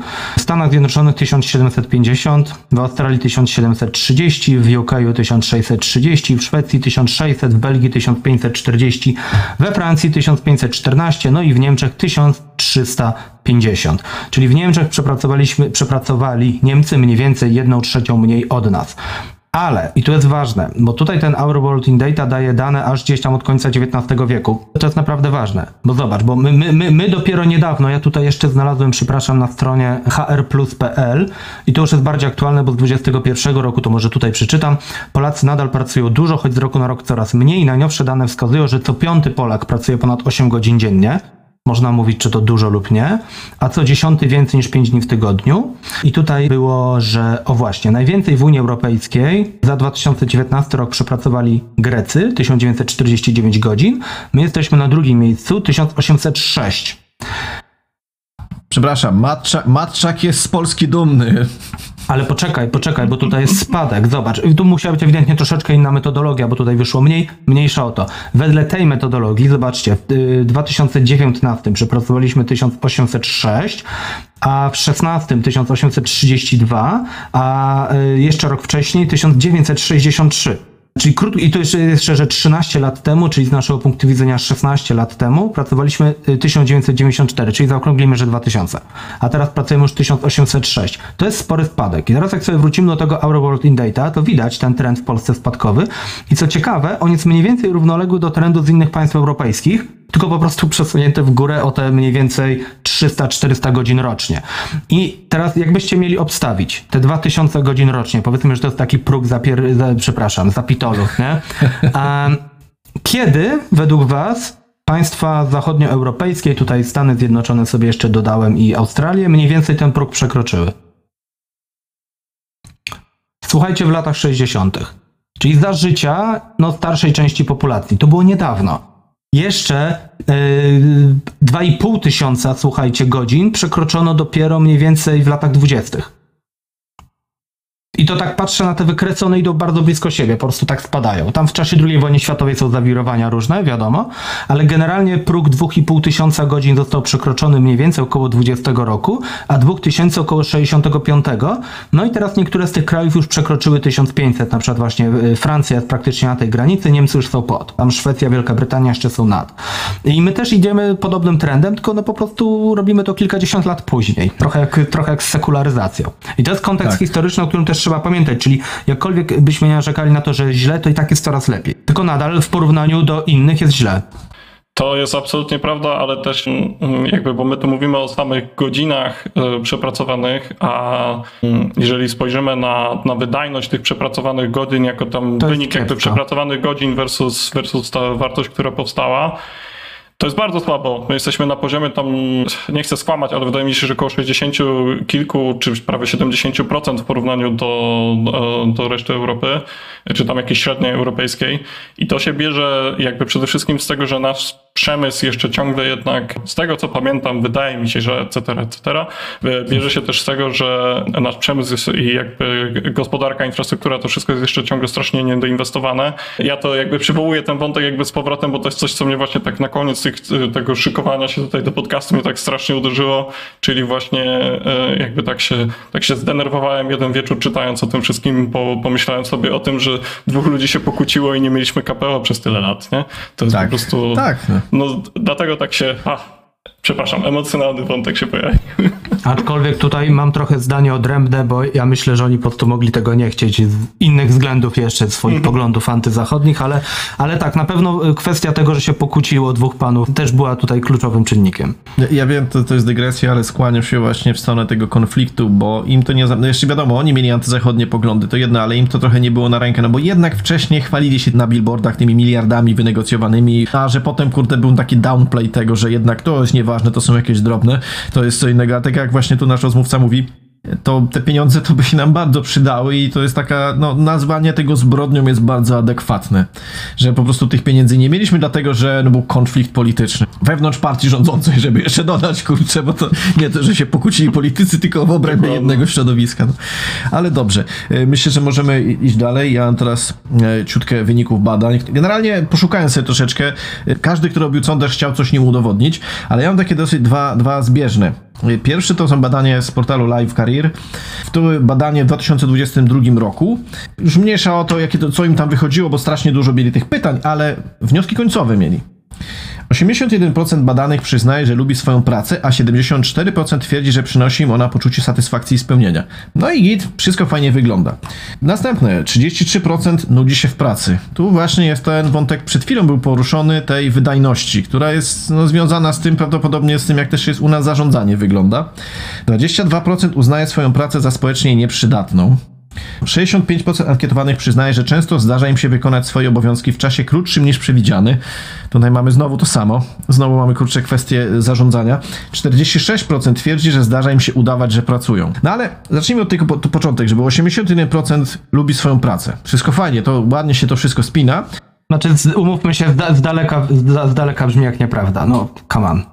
Oczywiście, tak, tak, tak. I co się za, za, zaraz się potwierdzi, bo y, we wnioskach końcowych zabrakło jednego, bo tam tych pytań było mnóstwo. Ja sobie znalazłem jedno. Otóż y, odpowiadali na pytanie i wniosek był taki, że 60% respondentów stwierdziło, że podjęli pracę tylko po to, żeby mieć z czego żyć.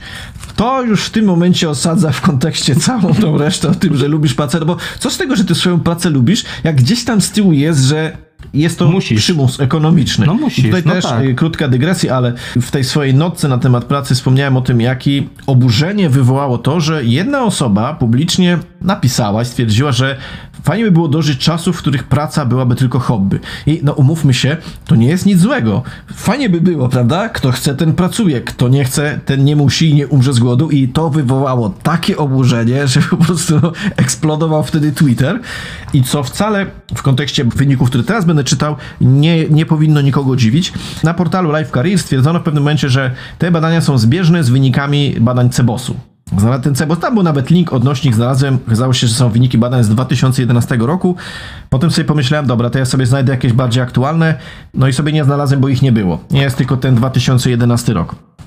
I tutaj, no przygotujcie się, bo po prostu trzeba zapiąć pasy. To jest, pytanie było sformułowane tak, że proszę powiedzieć, w jakim stopniu zgadza się pan, pani lub nie zgadza z przedstawionymi stwierdzeniami. I tych pytań jest trochę, ale ja i tutaj przeczytam, no praktycznie wszystkie, bo to jest szczere złoto. Warto być pracowitym. 56% zdecydowanie się zgadza, 39% raczej się zgadza. Czyli mamy ogromną większość. Warto wykonywać swoją pracę z sercem, nawet jeśli nie jest specjalnie znacząca. 50% zdecydowanie się zgadzam, 45% raczej się zgadzam. Pracowitość jest koniecznym warunkiem sukcesu w życiu. 52% zdecydowanie się zgadzam, 40% raczej się zgadzam. Praca nadaje sens życiu. 52% zgadza się zdecydowanie, 39% raczej się zgadza. Po, podawaj może łącznie, którzy się zgadzają, bo to lepiej, lepiej pokazuje, jaka to jest przytłaczająca większość, dobra? I też Czyli to wtedy masz dzi- słychać, wtedy słychać też wyraźnie, kto, te, wtedy też słychać wyraźnie, kto wie, że jednym z gwarantów sukcesu są bogaci rodzice. Tak to jest. E, Jest też dobre, dobre wykonanie obowiązków wcześniej czy później przyniesie nagrodę lub sukces. No 37 zdecydowanie się zgadza, 49 raczej się zgadza, czyli mamy 86%. I teraz, no i teraz uderzamy w wysokie tony. Praca to moralny obowiązek człowieka wobec siebie i innych ludzi. 45 raczej zgadza, 40 zdecydowanie, czyli mamy 85. I teraz przechodzimy do takiego troszeczkę innego pytania, które też jest dokładnie takie samo, jak to wcześniej o to, że ktoś podejmuje pracę tylko i wyłącznie po to, żeby pracować. Otóż, praca to przede wszystkim sposób na zdobycie pieniędzy. Nikt nie pracowałby, gdyby nie musiał. Zdecydowanie zgadza się z tym 35% ludzi, raczej zgadza się z tym 36%, czyli 71% ludzi twierdzi, że praca służy tylko i wyłącznie temu, żeby się utrzymać, bo gdyby nie to, to ludzie by nie pracowali. A jednocześnie 85 uważa, że to moralny obowiązek wobec siebie i innych. Tak. No to albo, albo. I kolejny, idziemy dalej. Uczciwą pracą człowiek nie jest w stanie dorobić się w życiu. I tu już trochę pozmieniane, bo jest 22% zdecydowanie się zgadza, 30 raczej się zgadza, 30 się nie zgadza, 12 zdecydowanie się nie zgadza, więc mamy tutaj 52 do 42. No ale to już są takie zaburzone proporcje w porównaniu do tego, co było wcześniej. Przedostatnie. Praca nie musi sprawiać satysfakcji, najważniejsze, żeby przynosiła odpowiednie korzyści materialne. I tu znowu jest rozdźwięk. Jeśli chodzi o tych, którzy się zgadzają, to już zgrupuję. Mamy 47, a 49 się z tym nie zgadza. Pół na pół mniej więcej. Ostatnie pytanie. W pracę nie warto się zbytnio angażować, jeżeli nie przynosi ona odpowiednich korzyści. 41% się z tym zgadza, 53% się z tym nie zgadza. To jest jedno badanie, które daje wewnętrznie sprzeczne rezultaty. No przecież, no i tutaj z jednej strony mamy, tak jak wspomniałeś, moralny obowiązek, z drugiej, no dobra, ale wszyscy wiemy, że pracujemy po to, żeby się utrzymać. No. Ty, a może, mo, mo- może jest po prostu tak, że daliśmy sobie właśnie wmówić y, ten taki, wiesz, taką narrację hiper, że, że Etos pracy. Ten taki etos pracy, znaczy jakby w samym etosie pracy według mnie nie ma jeszcze nic złego, bo jakby jak już, jak już tą pracę wykonujesz, no to staraj się ją wykonać dobrze i tam po prostu, ale też, ale też nie daj się wykorzystywać. Więc, ale że jakby daliśmy sobie wmówić, że to jest obowiązek wielce moralny i szlachetne, ale gdzieś z tyłu głowy wiemy, że no dobra, ale robisz to po to, żeby po prostu mieć za co jeść. No bo to do tego się sprowadza. Je- Jeszcze jedna sprawa, tutaj mamy na przykład te pracowitość jest koniecznym warunkiem sukcesu w życiu, to było 92%, to po prostu gigantyczna ilość, a ja jestem ciekawy, gdzie oni to przeprowadzano, bo okej, to jeszcze słówko komentarza, robił to Cebos, ale nie oszukujmy się, Cebos e, przed 2015 rokiem, o te sondaże wyborcze i to wszystko odnoszące się do polityki, te, te sondaże, one były śmieszne, ale oni robili całkiem dużo różnych badań, całkiem sensownych, które potem przestali, no ale mamy te 90, no, mamy te 92%, no mów, mów, Yy, nie, no dobrze, dobrze, bo chciałeś powiedzieć o tym, tak? Masz 92%, które mówią, że pracowitość jest koniecznym warunkiem Tak. sukcesu i ledwie 52%, które uważa, że uczciwą pracą można się dorobić. No to, no to jak to No jest? nie, no że wiesz, no to jest takie na gruncie logiki to jest, że konieczny, ale niewystarczający. Ale wiesz, ja bym na to patrzył troszeczkę inaczej, bo rozmawialiśmy wcześniej o transformacji, czyli o tym, że w niektórych miejscowościach, w niektórych miejscach było bardzo źle i wspominam o tym dlatego, że wydaje mi się, że te badania dałyby zupełnie inne wyniki, gdyby przeprowadzano je osobno w różnych regionach. No bo to przeprowadzano grupa ogólnopolska i najprawdopodobniej tam, gdzie jest więcej ludzi, i wiadomo, więcej się stamtąd losuje tych respondentów, to też zakrzywia trochę wyniki. I ciekaw jestem, znaczy ja usiłowałem poszukać trochę na temat tego właśnie, co Polacy sądzą o pracy i wyskakiwały mi tylko to sondaże. Nie wiem, czy ktoś, ale to bardziej by jakaś uczelnia, może jakiś wydział socjologii, może jakiś wydział psychologii to badał, ale to by się aż prosiło o to, żeby robić ewaluację. Rok rocznie robić te badania, sprawdzać jakie są trendy, przecież to by było po prostu kopalnia informacji. No i te badania Cebosu, mówię, to jest 2011 rok, potem już ich nie robili, to No dobra, ale, ale, ale panie programisto, bo co myślisz o tych wynikach? E, Taka ogólna refleksja, jakby ja byłem świadom tego, co tam wyjdzie. Taka ogólna refleksja jest taka, że kto w Polsce zadaje zniuansowane pytania, ten się w cyrku nie śmieje. tak. E, Bo to naprawdę, naprawdę jest ciężkie.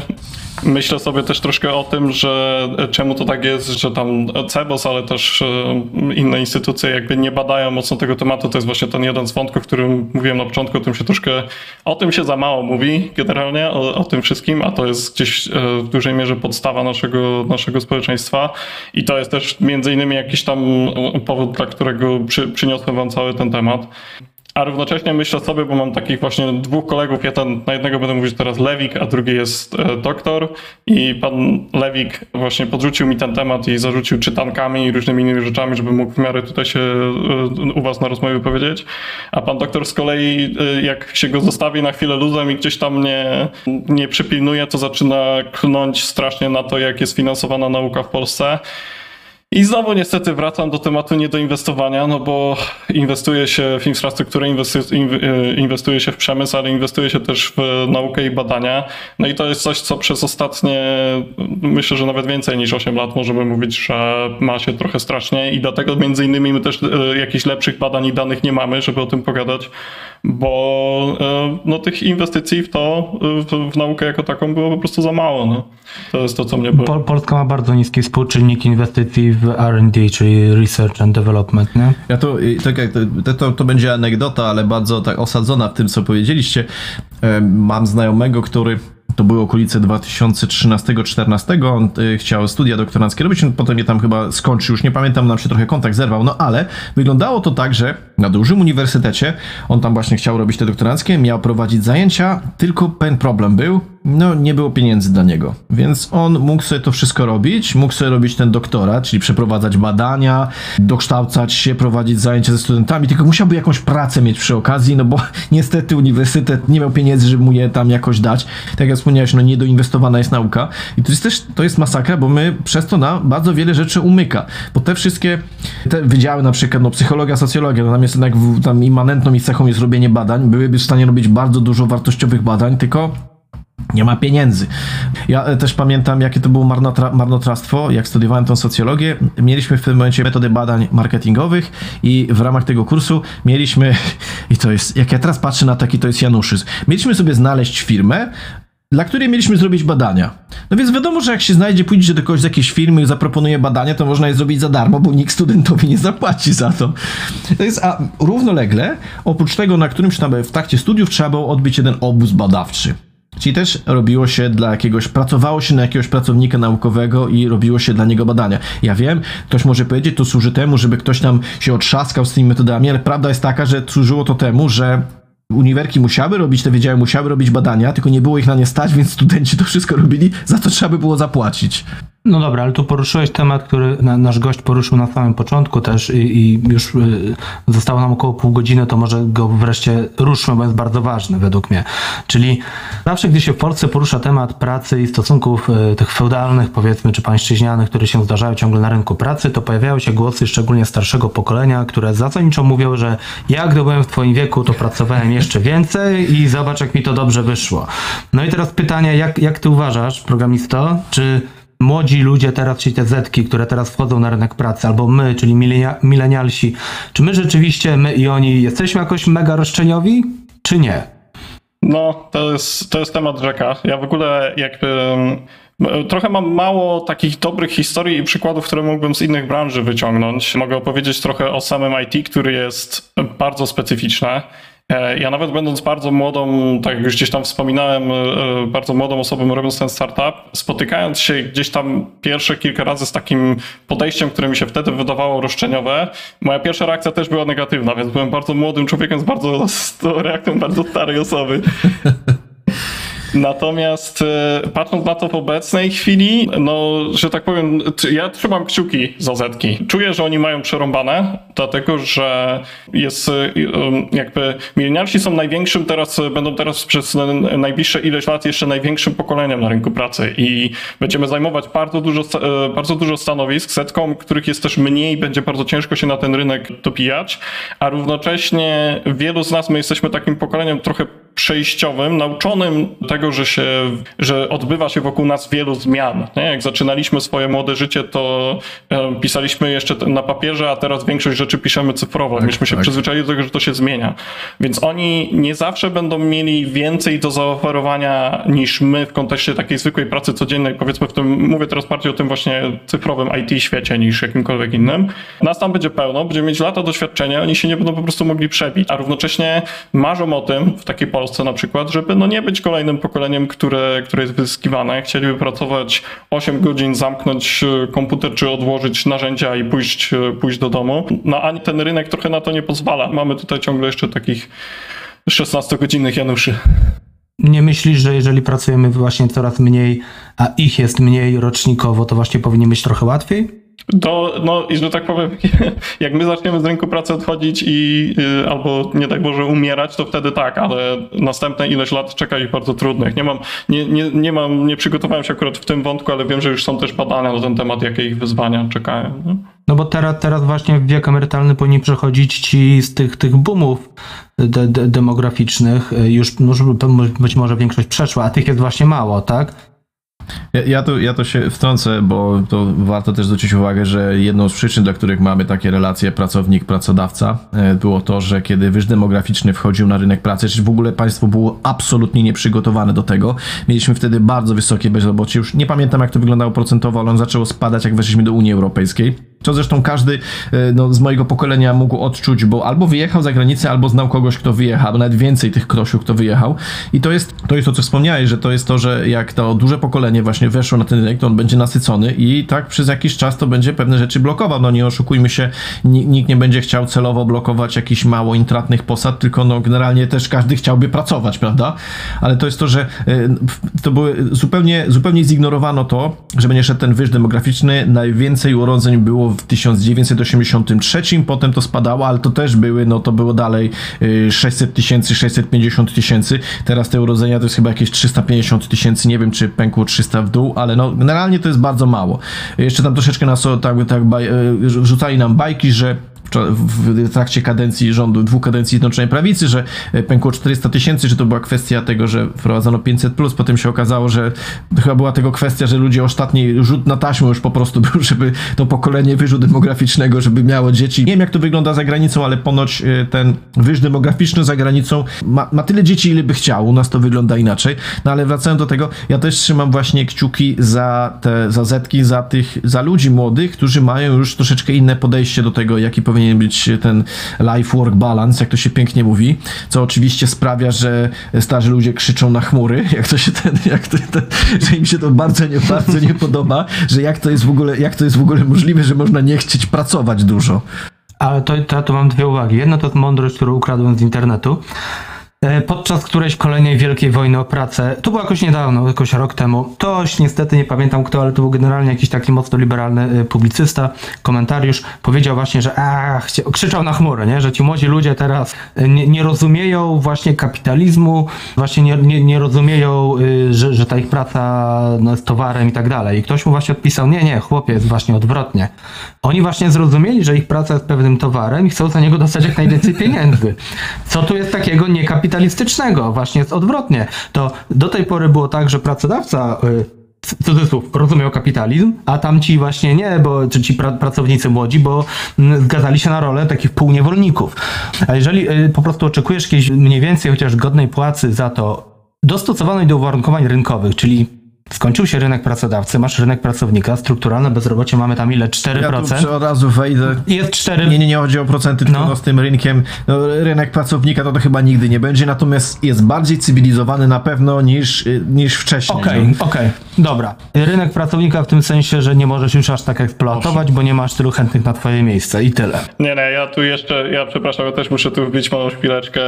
Dawaj. My mamy niskie bezrobocie, ale to jest też troszkę efekt tego, co się wydarzyło z imigracją w Polsce w ostatnich latach i o tym nie można zapomnieć i też warto się przyjrzeć, to jest znowu takie, taka znowu anegdota troszkę, ale właściwie jaką pracę ci ludzie wykonują. Jakby jak ktoś nie wie o co chodzi, to niech się przyjrzy, tam mieszkając na przykład w mieście, niech się przyjrzy w jakim stanie, że tak powiem, ducha i zdrowia jest ta osoba, która mu, nie wiem, Ubera, tak, przynosi. Um, także tak z tym jakby ukryty jest trochę ten problem tą imigracją, tego, że właśnie um, są gdzieś ci ludzie wykorzystywani. Także wcale nie jest tak świetnie, jakby się może wydawało, czy Nie, nie, no ja nie mówię, że tak świetnie, ale jest lepiej. Bo jakiś tam progres jednak się odbywa.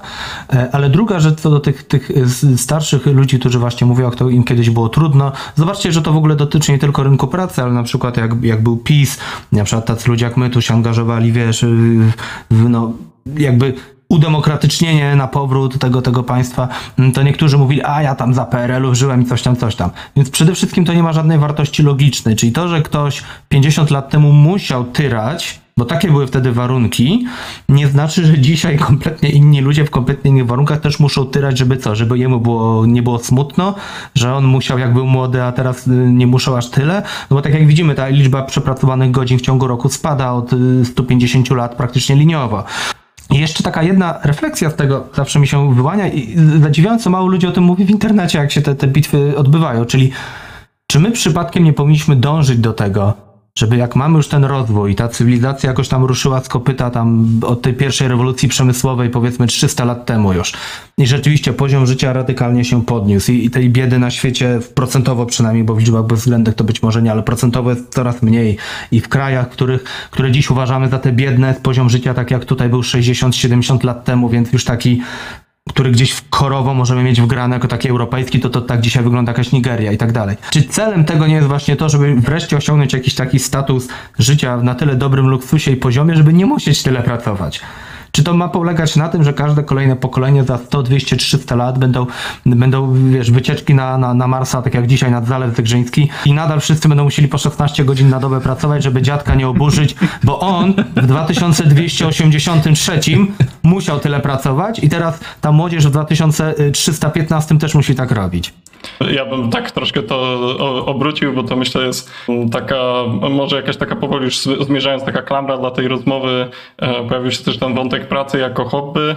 Ja bym to obrócił w takie pytanie, właściwie to czemu tak jest, że e, tak się, wszystko się tak rozwija, przemysł się rozwija, technologie informatyczne się rozwijają, to wszystko zasuwa do przodu, produkuje jeszcze więcej wartości. Jak się patrzy na te wykresy, to, to, to światowy przychód brutto rośnie i, i ma się dobrze.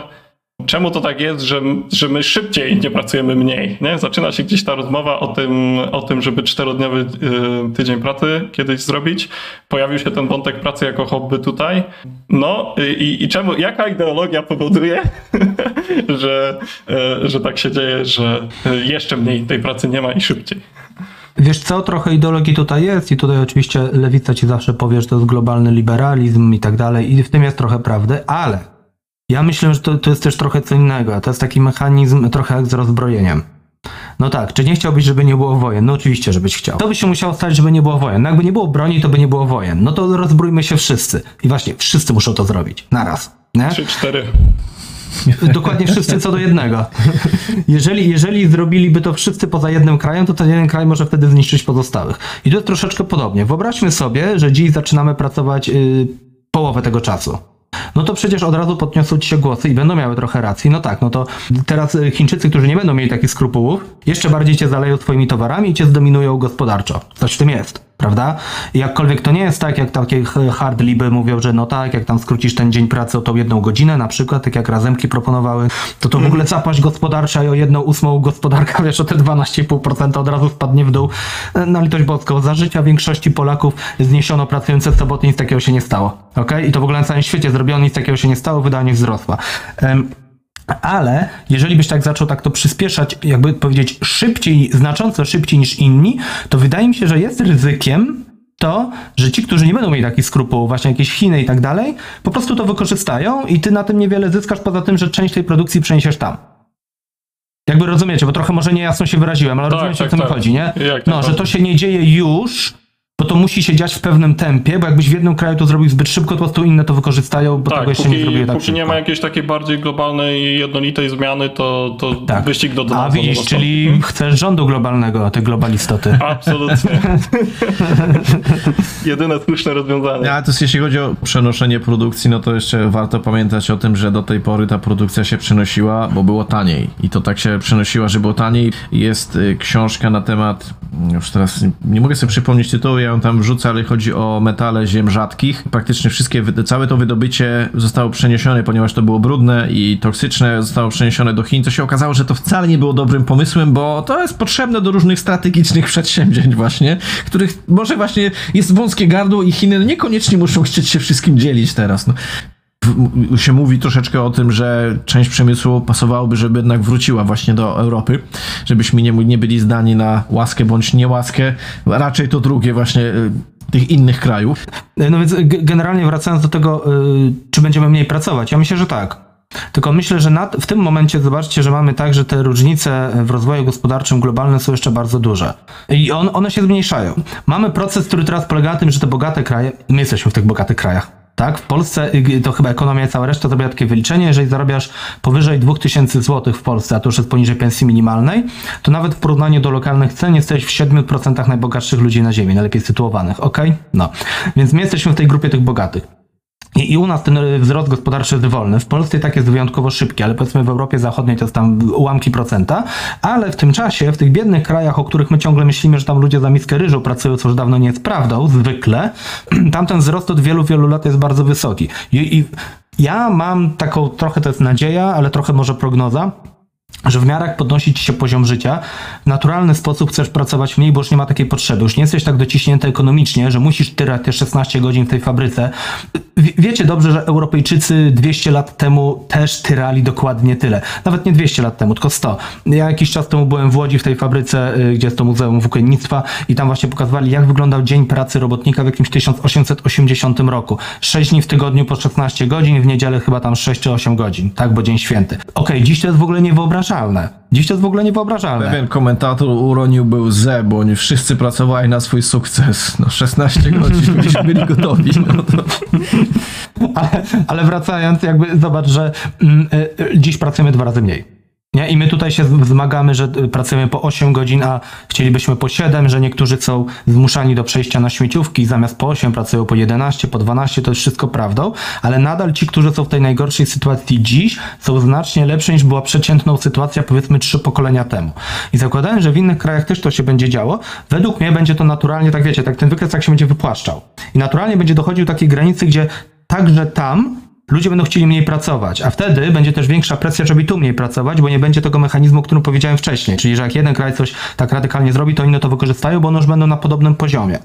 Więc ja bym powiedział, to mam taką ostrożną prognozę. Wydaje mi się, że kryzys klimatyczny może ją zaburzyć, ale to jest ciężkie do przewidzenia. Ale tak załóżmy na chwilę, że nie ma kryzysu klimatycznego, ok? załóżmy. Wydaje mi się, że w takiej dłuższej perspektywie, nie wiem, kilkudziesięciu lat, stu lat, to się może udać.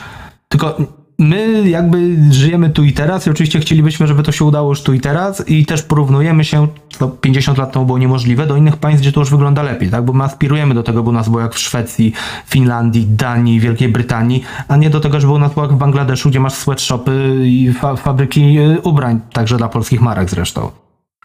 Fajnie, tak, e, e, fajnie w ogóle, że tak e, też taki optymistyczny gdzieś tam aspekt temu narzuciłeś, bo dość dużo pesymistycznych rzeczy opowiadaliśmy dzisiaj, także słuchajcie, tak w ogóle myślę, że już powoli fajnie byłoby zmierzać do końca, także tak powiem, o ironią muszę wracać do pracy. Natomiast chciałem tylko taki jeszcze, taki jeden wątek, który gdzieś tam obiecałem po drodze, chciałem go tylko przypomnieć, bo pojawiał się tutaj, jakby jak mówiliśmy o problemach, to pojawiał się też raz po raz cały czas ten problem tego braku zaufania, braku zaufania w społeczeństwie. My też mamy chyba e, jeden chyba z najgorszych w ogóle wskaźników w Europie zaufania do współobywatela. Nie pamiętam dokładnie, jakie tam były dane, czy 30 czy 40% ludzi nie ufa przeciętnemu spotkanemu Polakowi. To jest jakiś taki, taki zwariowany temat. Natomiast e, na chwilę chciałem wrócić właśnie do tego problemu braku zaufania i jakichś tam małych takich rozwiązań, które mo mogłyby się w tym kontekście wydarzyć.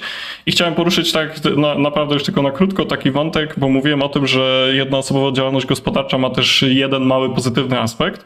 I to znowu jest takie z, z perspektywy tej, tej rozpieszczonej branży IT. Dzieje się coś takiego, że jak taka osoba, która pracowała na tą umowę o pracę albo tą nieszczęsną śmieciówkę wcześniej przejdzie na, na, na jednoosobową to zaczyna sama płacić ZUS i sama zaczyna płacić ten podatek. I nagle się musi zmierzyć z tym, ile tych, zwłaszcza co są osoby, które przeszły z UOP na, na JTG nagle musi się zmierzyć z tym, ile tego podatku tak naprawdę jest. I to jest coś, co ja myślę też gdzieś tam w tej relacji państwo-pracownik w, w Polsce jest mocno zaburzone i tu akurat byśmy mogli przyjąć model z jakichś innych krajów, gdzie no jednak podatki się płaci samemu po tym, jak się wypłatę dostanie. Czyli trzeba to jakby samemu rozliczyć, czy to rozliczenie też przychodzi razem z wypłatą, ale trzeba samemu dokonać tego przelewu, bo to powoduje, że my fizycznie jakby płacimy faktycznie na to państwo i to zaczyna budować tą relację trochę takich oczekiwań, Czasami w polskim skręceniu to by pewnie mogło też wywołać takie, że hej, chcę płacić mniej, ale sam początek jakby naprawdę tej relacji myślę, że też by mógł się kiedyś w tym odnaleźć, że przejść z tego systemu zaliczkowego, gdzie to pracodawca jest odpowiedzialny za podatki i my na co dzień ich po prostu nie widzimy, na tą taką bardziej, mm, no powiedziałbym, otwartą relację z państwem, gdzie my faktycznie widzimy, ile na to wydajemy i jakie są tego efekty. No? To jest bardzo ciekawe, co mówisz, bo z jednej strony ci E, pracodawcy, którzy zawsze są taką trochę grupą specjalnej troski, przestaliby wreszcie mówić, że oni są jakoś wyzyskiwani, bo to nie oni by fizycznie robili przelewy, mi też się podoba to rozwiązanie, też już o nim myślałem lata temu, ale z drugiej strony pracownicy, których jest kilka razy więcej, tak, oni by nagle zaczęli to widzieć i pytanie, czy to by właśnie nie spowodowało, że Konfederacja by miała 20% i doktor Mensen i jego inwestowanie w butelki po perle. No to, przepraszam, ja, chwilka. Czy to jest też istotna kwestia, że y, to jest fajne właśnie, tylko że no, musimy to osadzić w takim kontekście, że u nas od iluś tam lat się tłumaczy, że państwo mnie okrada, ja to w ogóle miałbym więcej pieniędzy, ja to bym mnie lepiej, ile lepiej bym je spożytkował, państwo nie działa i pytanie, czy jakby to właśnie wyglądało, jakby ci ludzie przeszli, znaczy zobaczyli sami, że to Jezus Maria, jakie to są gigantyczne pieniądze, które się wydaje. No, to jest oczywiście coś dobrego, bo człowiek wtedy ma trochę większą świadomość, tylko pytanie, co byśmy z tą świadomością zrobili, wiesz. A, a co myślicie o takim rozwiązaniu, żeby um, tylko to by musiało być chyba dosyć moc, mocno scentralizowane, ale myślę, że takie bazy jakby danych centralnych tak muszą istnieć. Czyli, że na przykład y, razem z, nie wiem z jakiej okazji, ale raz w roku powiedzmy państwo na, przez tam M-Obywatela czy jakąś inną aplikację, wysyłać takie info. Siema, w tym roku zapłaciłeś tyle składki tam zdrowotnej, tyle emerytalnej, a na przykład twoje y, usługi medyczne w tym roku kosztowały tyle, no nie? E, Chyba jest coś takiego, można sobie sprawdzić Tak? na tym. A to na, ja nie wiem. Na ten. Ja ostatnio po prostu nie chorowałem za dużo, więc nie sprawdzałem, ale ludzie sobie sprawdzali jakieś wydatki, właśnie ile, ich, ile to kosztowało na tym. Na, chyba na IKP O. coś takiego jest. No. a to ja Znaczy nie to wiedziałem, przepraszam. tego, tego typu podejście się nie, jakby.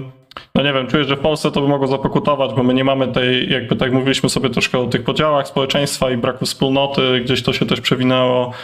Myślę, że to takie sprawdzanie, większość ludzi by mówiła, no tam zapłaciłem ileś tysięcy, a wydałem Nie 500 chorowałem. złotych, oddawajcie, nie?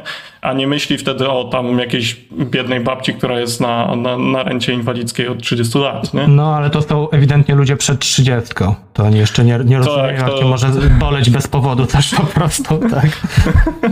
No, i tutaj taka jedna też anek- anegdota, ale y, znajomy mojej mamy miał jakiś czas temu operację, tam wykryto u niego tętniaka na aorcie, że mu to jakoś nareperować, bo tam nie da się za bardzo z tym nic zrobić, to mu to y, z, założyli mu coś takiego, jakąś taką obejmy czy coś tam na to, po prostu, że mu się trzymało, że mu ten tętniak tam nie strzelił, no i wszystko pięknie, tylko chyba sama ta, samo to badziewie, które sam ze Stanów kupowali, to była operacja ratująca życie, więc mu to NFZ ufundował, ale to było albo 200 tysięcy złotych, albo 200 tysięcy dolarów. Nie, to jest gigantyczna kwota. I to jest tak, dopóki się, y, y, znaczy, bo niektórzy młodzi też wiadomo, nie, nie jest to, że młodość tam kogoś przed chorobą uchroni, no ale statystycznie rzecz biorąc, młodzi chorują mniej, więc dopóki człowiek faktycznie tak, że o, on nie choruje, on nie chodzi do lekarza, no to tak jak mówisz tutaj, że patrzyłby na to, kurde, wydałem te pieniądze i, i, i tak oddajcie mi moje pieniądze. Natomiast wystarczy mówię, pobyt w szpitalu, cokolwiek, jakakolwiek operacja i to już są takie koszty po prostu, że no człowiek by wtedy nabrał innej perspektywy. No ale to trzeba właśnie takie poczucie wspólnoty, żeby było, że ja się dokładam też do tego, żeby inni się leczyli. I w razie czego jak coś mnie się stanie, to ci inni się dokładają po to, żebym ja, ja tam wyszedł jakoś na, te, na, staną na nogi. Zmierzamy ku końcowi. Powiedz, czy chciałbyś na końcu y, jakąś refleksją jeszcze się podzielić, jakoś tu domknąć? Czy w ogóle się cię us- usatysfakcjonowało to, w jaki sposób tutaj sobie porozmawialiśmy? Ach, a, absolutnie i polecam wszystkim. polecam wszystkim tego użytkownika. Znaczy, refleksja y, y, moja się troszkę nie zmieniła w porównaniu do tego, co jak się szykowałem, właśnie jak za, zacząłem dochodzić troszkę do, do, do jakiejś większej, powiedzmy, świadomości. Może je- jedna taka ogólna refleksja, którą bym się podzielił z ludźmi, którzy są tam, nie wiem, w moim wieku albo młodsi, że do, do tego doszedłem w ciągu ostatnich dopiero kilku lat, ale nie należy ignorować historii, nie należy jakby, to, to, to nie jest dobre podejście zamykania oczu na to, co się działo wcześniej. Sam bardzo mocno na to zachorowałem i cieszę się, że gdzieś w tych ostatnich latach jakby zaczynam ten, ten błąd naprawiać, bo no ja na przykład właśnie na rynek pracy wszedłem zupełnie nieświadomy tego, jaki jest kontekst tego, co się dzieje i też jakby Szczerze mówiąc, jeśli chodzi o to, że udało mi się wejść w IT, to uważam to za duży łód szczęścia, bo gdybym akurat był taką osobą, która nie ma do tego konkretnych predyspozycji, to mógłbym mieć przerąbane i nawet nie zdawałem sobie z tego, z tego sprawy. Także jakby to, to bym sugerował, że warto czasami jednak się pochylić nad tym, co się działo wcześniej. A poza tym, no jakby podzielam, y, mimo jakby tych wszystkich negatywnych aspektów, y, to po- podzielam troszkę ten taki delikatnie Ostrożny optymistyczny, tak, optymizm. taki ostrożny optymizm, że, że myślę, że będzie lepiej, ale warto jakby ten temat wyciągać, warto o nim dużo mówić, bo łatwo jest go spychać na manowce, bo nie wiem, są jakieś inne ważniejsze tematy. Wiesz co, to co do tego, że będzie lepiej, to mogę y, jako podkładkę użyć poglądów i książki na przykład takiego amerykańskiego badacza Stevena Pinkera. On kilka lat temu napisał taką książkę Nowe Oświecenie. Tytuł jest trochę mylący, bo w ogóle jakby nie o tym, ale on generalnie właśnie mm, mm, pokazuje, jak na przestrzeni ostatnich tam dekad znacząco poprawiły się pod różnymi względami nasze życie. I to, wiesz, po prostu jest rozdział po rozdziale. Wojny, jest ich coraz mniej, terroryzm, jest go coraz mniej, choroby, coraz mniej umieramy, żyjemy coraz dłużej, zarabiamy coraz więcej, tak dalej, tak dalej. Oczywiście tutaj zaraz ktoś, y, jakiś troll y, internetowy, y, czy jakiś, mógłby powiedzieć, że no i wszyscy są uśmiechnięci, szczęśliwi. Nie, no nikt tak nie mówi, ale jest po prostu lepiej niż było. Chodzi tylko o to. Ale, i on tam stwierdza bardzo ważne, że ale to nie znaczy, że to się zrobiło samo. Nie? Czyli to nie jest tak, że siedzimy, y, patrzymy w niebo i sobie tam chodzimy do pracy i to się dzieje samo, tylko rzeczywiście no trzeba, pewni ludzie muszą w tych kierunkach działać, żeby to się zadziało. I mnie na przykład to dawało mi pewną inspirację, jak sobie wiesz, pisałem, krytykowałem PiS i tak dalej, i tak dalej, że okej, jakby ten PiS przeminie, będzie lepiej, ale to się i tak nie stanie samo, bo jeżeli nic z tym nie zrobimy, to możemy skończyć, nie wiem, jak na Węgrzech Orbana, gdzie kiedyś będzie lepiej, tylko możliwe, że za 40 lat a ja aż tak długo nie żyję i ludzie aż tak długo nie żyją. Ja nie chcę całego życia spędzić z tym pisem. 8 lat już naprawdę wystarczy. E, Więc tak, ten ostrożny optymizm, e, jakby, żeby było jasne, on nie oznacza nieróbstwa. Czyli jeżeli widzimy, że coś nie działa, są jakieś Musimy ciężko pracować. Okej, podłożyłem się, Przepraszam. że tak, musimy 16 godzin na dobę pracować, to jest odpowiedź e, zamykana. Bo tak naprawdę nasz, nasz rozmówca to przebrany Marcin Matczak. No. Dokładnie. I ten program był sponsorowany przez Forum Obywatelskiego Rozwoju. E, nie, no dobra, na serio. Chodziło mi o, o to, że nieróbstwo w sensie naprawy tego. Czyli, że widzimy jakieś, jakąś patologię na tym rynku, wydaje nam się, że mamy jakieś rozwiązanie, które mogłoby ją naprawić, no to po prostu to zróbmy, bo to się nie zrobi samo. Tylko należy przy tym, jeszcze przy tym pamiętać, jak mamy rozwiązania, żeby, wspominając to, o czym mówiliśmy wcześniej, żeby pamiętać, że proste rozwiązania nie zawsze pasują do trudnych problemów. A raczej zwykle nie. Jak to powiedział Terry Pratchett na początku jednej ze swoich książek, e, krasnoludy wynalazły dwie metody zamiany ołowiu w złoto, prostą i trudną, różniły się tym, że ta trudna działała. I ta trudna polegała na tym, że z ołowiu zrobili pierwszą ruchomą czcionkę i zaczęli drukować, założyli pierwszą drukarnię na tamtym świecie, nie? I wtedy zaczęli zarabiać złoto. A trudna to była, a łatwa to była ta alchemia i ona nie działała. E, dobra, e, słuchajcie, bo zostało nam dosłownie 5 minut do końca nagrania. Czy chcecie coś dodać? Bo ja chyba nie. Ja już tylko pozwolę sobie jeszcze raz pozdrowić właśnie ro, rodzinę, znajomych, właśnie zwłaszcza pana Lewika i pana doktora, którzy mnie popchnęli, żebym ten temat, który wcale nie był dla mnie najprostszy, tutaj podję, podjął. E, to ja w tym momencie, wiadomo, że to jest e, odcinek tutaj naszego gościa, ale ja bym chciał w tym momencie też e, pozdrowić jednego mojego kolegę, który w trakcie trwania licytacji zawsze sobie śmieszkował, jak tam, jak pękło już 1000 zł, tam było 1600, że nie, no to ktoś się pewnie pomylił i tyle. Znaczy on sobie z tego troszkę heheszkował, ale to było zabawnie, także to pozdrawiam mojego kolegę Krzyszka. Krzysztofie, to do ciebie. Ja też w takim razie panu Krzysztofowi tylko powiem, że nie zgadniesz, jaki mam plan, co zrobię za rok. Uff, no dobra. Teraz, teraz musicie wystawić licytację, już nie ma, nie No ma tak, innej my, się metody. my się zastanawiamy, czy nie wystawić więcej niż jednego odcinka za rok, biorąc pod uwagę sukces w tym roku. Podcast ma tam 3 miesiące dopiero, a, a 3 tysiące Ale też, naprawdę pękło. też to przyznaję szczerze, że bo to jak tu mój współprowadzący wspomniał, ja też się tak troszeczkę zastanawiałem, czy w ogóle ktoś będzie chciał y, tutaj z nami rozmawiać i tyle. Mo, moja żona tak samo uważała. Tak. To jest, e, to jest w ogóle troszkę śmieszne, bo ja tak e, w 100% dokładnie w ogóle. Mm, nie, e, jakby jestem dużym fanem tego, co robicie, ale e, i widzę też ogromną, ogromną wartość w waszych prywatnych archiwach, które często jakby się przewijają przez te teksty, które piszecie. Widać, że, że macie dużo rzeczy udokumentowane. Sam osobiście jakby w jakichś takich dyskusjach, no jakby czuć, czuć czasami taką troszkę lekką szyderę z tych tematów, które, które przedstawiacie i to jest fajne, jakby dzięki temu ten content się też łatwo, łatwo przyswaja, ale równocześnie sam na przykład nie jestem zawsze fanem takiego contentu, lubię też taki content bardziej z, lekko zrównoważony w samej, w samej formie narracji niż, y, niż kon- koniecznie w treści. Broń Boże, nie, nie symetryzm. E, natomiast, natomiast bardzo, bardzo to było przyjemne doświadczenie i bardzo się cieszę, że, że mogłem wziąć udział tutaj w nagraniu. My też, to dla nas też e, ciekawe Owszem. i nowe doświadczenie. No i słuchaj, chyba, chyba na koniec wypada po prostu jeszcze, jeszcze raz Ci podziękować za Twój wielki wkład w Wielką Orkiestrę Świątecznej Pomocy, no bo no, 3000 zł ponad to jest naprawdę, ja tyle do puszki Ja nigdy nie przyznaję się też, że też, też nie, też nie. Tak, ja myślę, że było warto. Było warto. Dzięki, dzięki, No cieszymy się. super, bardzo się cieszymy. Za rok być może wystawimy rzeczywiście więcej niż jeden odcinek, może ze dwa, trzy, zobaczymy. Więc zapraszamy, tylko zobaczymy jaka konkurencja będzie za rok, bo będzie więcej fanów, mamy taką nadzieję. Może być, może być ostrzej, czyli wiesz, będziesz musiał się Właśnie, odnaleźć właśnie, na tym rynku może prostu. być, no. może być już inny, Zacznij, zacznij już dokładnie, bo może wstawać. być trochę rozmówców na twoje miejsce, także tu wiesz, trzeba się pilnować. No. będę, Dokładnie. tak, Nie- będę, będę ciężej pracował. No, i, no właśnie, i pamiętaj, że jak nie wypijesz jednej kawy na mieście, to jest dzisiaj no z 15 zł, jakieś byle cappuccino kosztuje. Razy 360 dni, mm, robisz jakieś 5000 zł prawie, więc wiesz, już możesz zacząć odkładać. No dobra, tym pozytywnym akcentem chyba kończymy. Mi się wydaje, no. To był podcast dezinformacyjny, specjalny odcinek wośpowy razem z naszym zwycięzcą, panem programistą z Poznania, który kwotą ponad 3000 zł wy- wy- wykupił sobie tutaj właśnie udział w tym odcinku i porozmawialiśmy na wybrany przez niego temat. Dziękuję bardzo, dziękuję tobie raz jeszcze i do usłyszenia. Dzięki. Do usłyszenia.